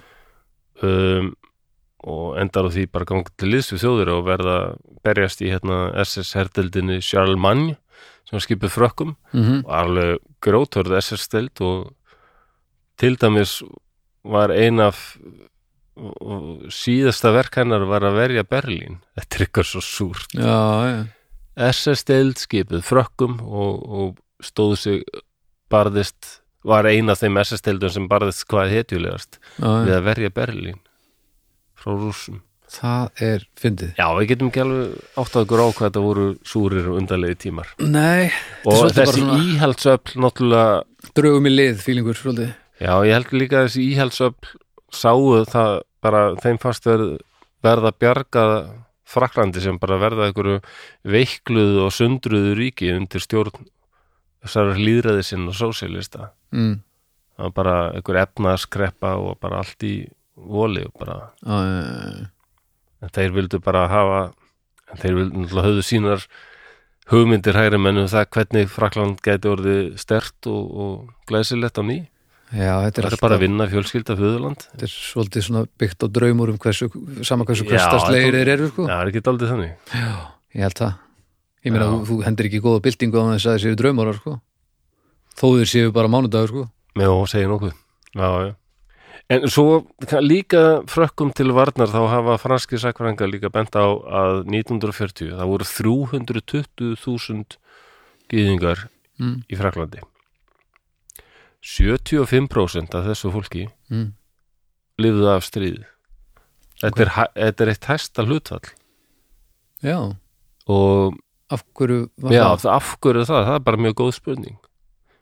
Og það er, ég man ekki hvað hann heitir það er eitt franskur sakfræðingur sem er skrifað mikið um þetta. En þarna er verið að tala um allt Frakland þannig að norðupartin líka. Já, allt Fraklanda hann vil meina, meina að þetta hafi verið svo stert í frökkum að, að hver á sinn rétt daldi og, og það hefur líka verið stert í frökkum að þeir voru ekki trefnir að þjóðurum. Já. og þjóður er vildi náðu þessum gýðingum og við getum allavega náðu okkur niður á þjóðurum með því að halda þessum gýðingum frá þeim. Já, ok já, Já, skilji.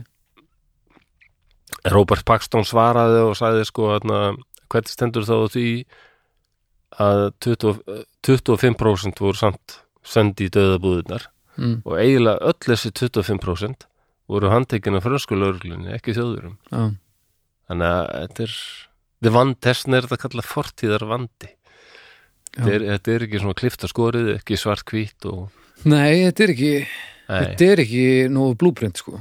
Ég fatt að núna erum að, erum að tala um þetta, ég hef aldrei spáðið sáður en Ísland hefur kannski sinn fortíðar vanda, en hann er svona innanlands daldi meira sko. Þessi Já. baðstöfu romantík og já, þetta er að horfa á þess að þætti já, og svona það er, þetta er aðeins eldra aðeins já. lengra frá okkur sko já, já, það er það að við teljum okkur nú svona heilt yfir verið að standa okkur nokkuð í dag sko já, já, um, þannig að þetta er svolítið svona já og það er einhvern veginn allir sammála um það finnst Já. manni svona að langmestu leiti að ef þetta var gert svona, þú veist, við myndum ekki gera þetta í dag og svo er fólk bara ósamála hvort það hafi lægi þá eða ekki sko. Já. Um, mér finnst þetta svo merkilegt með Frakland að auðvitað vissu dugól og þessir að, að vissi stjórnin að þrátt fyrir allt verið vinsæl. Mm mar, eða margir hefur fyllt voru sammálað þessari hugmyndafræði þeirra. Mm. og mikilvægt var því að skapa svona eitthvað svona sameigilegt minni. Og þá var náttúrulega tilvalið að finna sko sameigilegan óvinn og þá var það að hvort sem þú varst í anspyrnunu eða þú barðist með frjálsum frökkum eða ég ætlur bara starfsmenn vissi mm. allir voru fórnarlömb þjóðverja Mm. allt þeim að kenna Já. og það var hérna blaðamaður, anspyrnumaður líka sem er Joshua Mandel Okay. og það er minningarsteinn í Fraklandi stór minningarsteinn og það stendur Joshua Mandel myrtur af óvinnum Fraklands og já, maður geti haldið já, þjóður að hljóta að tekið hann að lífi örgulega mörg frönsk skólabörn sem sjá þennan stein og hugsa bara, já, þjóður að drápa hann Joshua Mandel en það var ekki, það er nefnilega ekki rétt það voru, það var þessi franska milís sveit Mm. heima menn sem er nú alveg sérstaklega fyrirbrið mm. hverjir það voru svona bláum búningum og með bláa alpahúfu svona dökkbláur, næstu mjög svart. afgerandi lúk og mjög ill, illræmdir og hérna það var aðeins verið skoðað hverjir gengur til liðsvita liðsvita og sömur það voru sömur sem hérna hefðu mitt mist af því ég var að tala um loftárasir bandamanna áðan. Mm það voru sömur sem hefðu mist sko ættingja eða fjölskyldu sína í loftárasum bandamanna og voru bara fulli reyði í já, gar þeirra sko. Og svo voru þeir sem voru bara hreinlega hrifnir af þjóðurum og, og bara vissistjórninni og, já, og aðrir sem bara þeir fengu matarskortur og matarskömmtun varð alltaf meir og meiri. Já, og, og undir lók herrnars sem var bara mjög alvarlega það var næstu komin hungursnið en þeir fengu stærri skamta þeir sem voru þessari já, sveit. nákvæmlega. Ástandið þarna hefur verið alveg já, stórundalegt þetta, og sko, þetta hefur verið svona eins og eins og einhver sem er ekkert droslega góður í að elda að reyna að gera bernisósu og það er Frakland þarna. Er það, það, það aldrei mál? Ég held það, og já, það var búið góða bernis já, já, það er ekkert mál að fokka upp bernis er það? Og þetta, Frakland þarna var bara fokkt já, upp bernis þetta var einstóð Bernesós. Já, ég held það.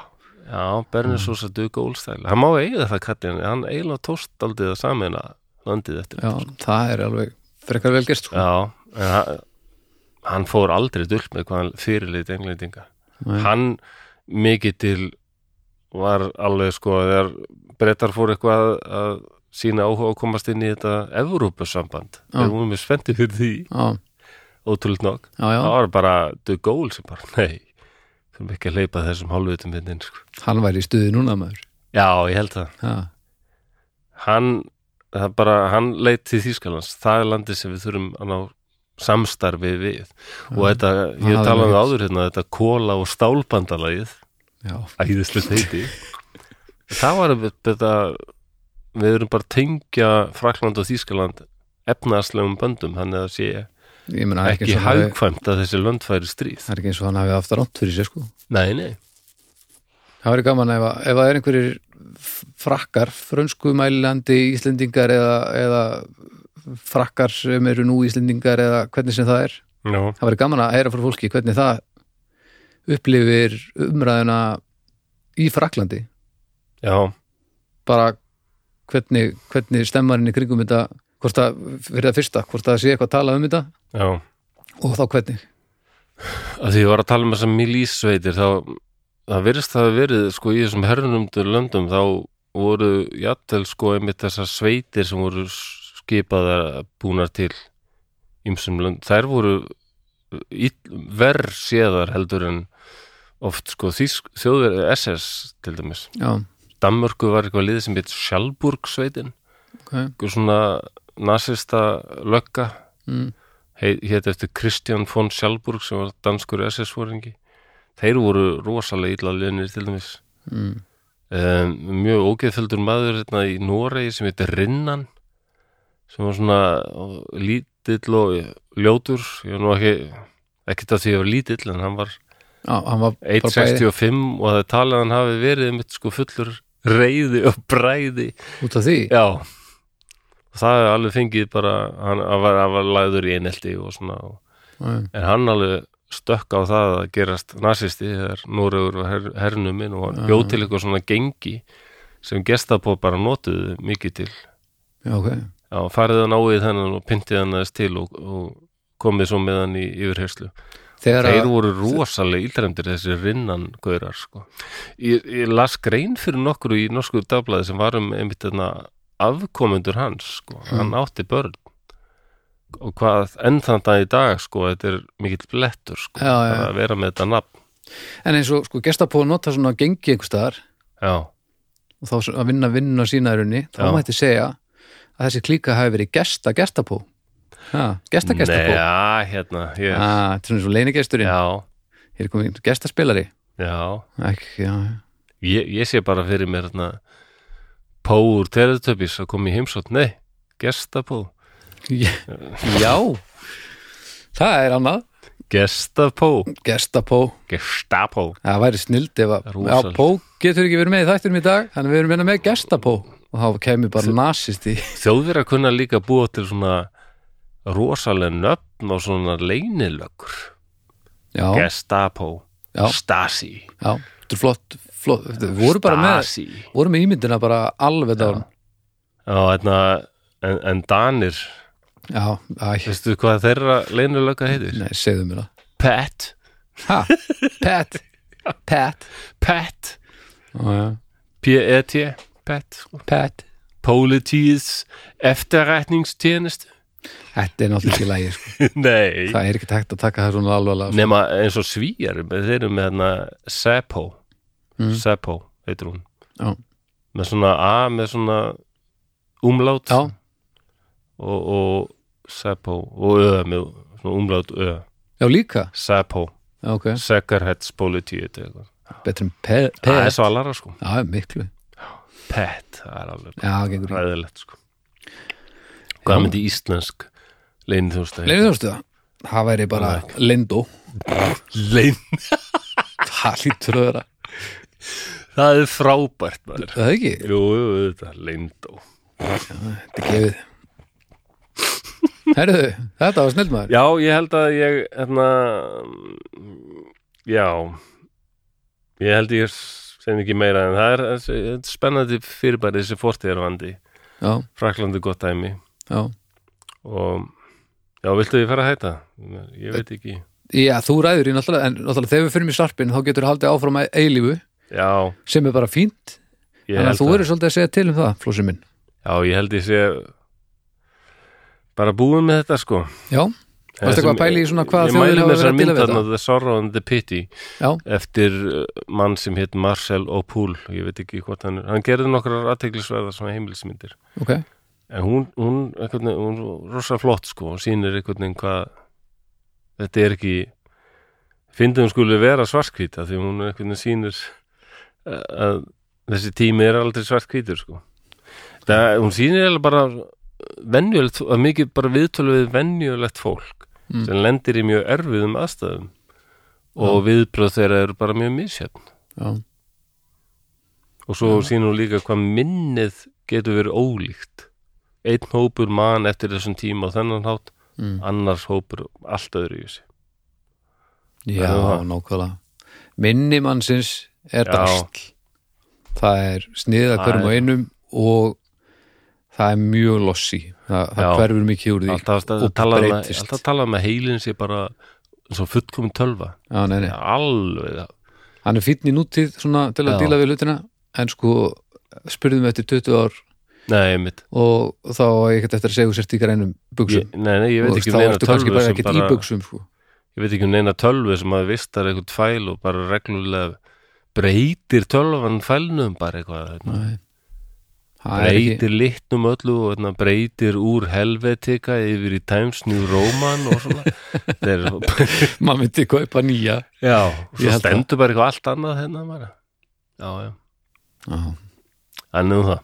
hann er nú það, takk fyrir þetta Og nú ætla ég að ljúka þessu tali með því að tegja mig í þennan rím sem Já. er hérna ennþá óappaður. já, sem ég kom með í hvað þáttar og, og, og það sem við vorum í sarpinum þá opnaðist á þeir hrimgáttin og, og hún lokaðist ekki fyrir núna Já, var- ég vona að þessi sarpur hafi ekki verið bara sorpur.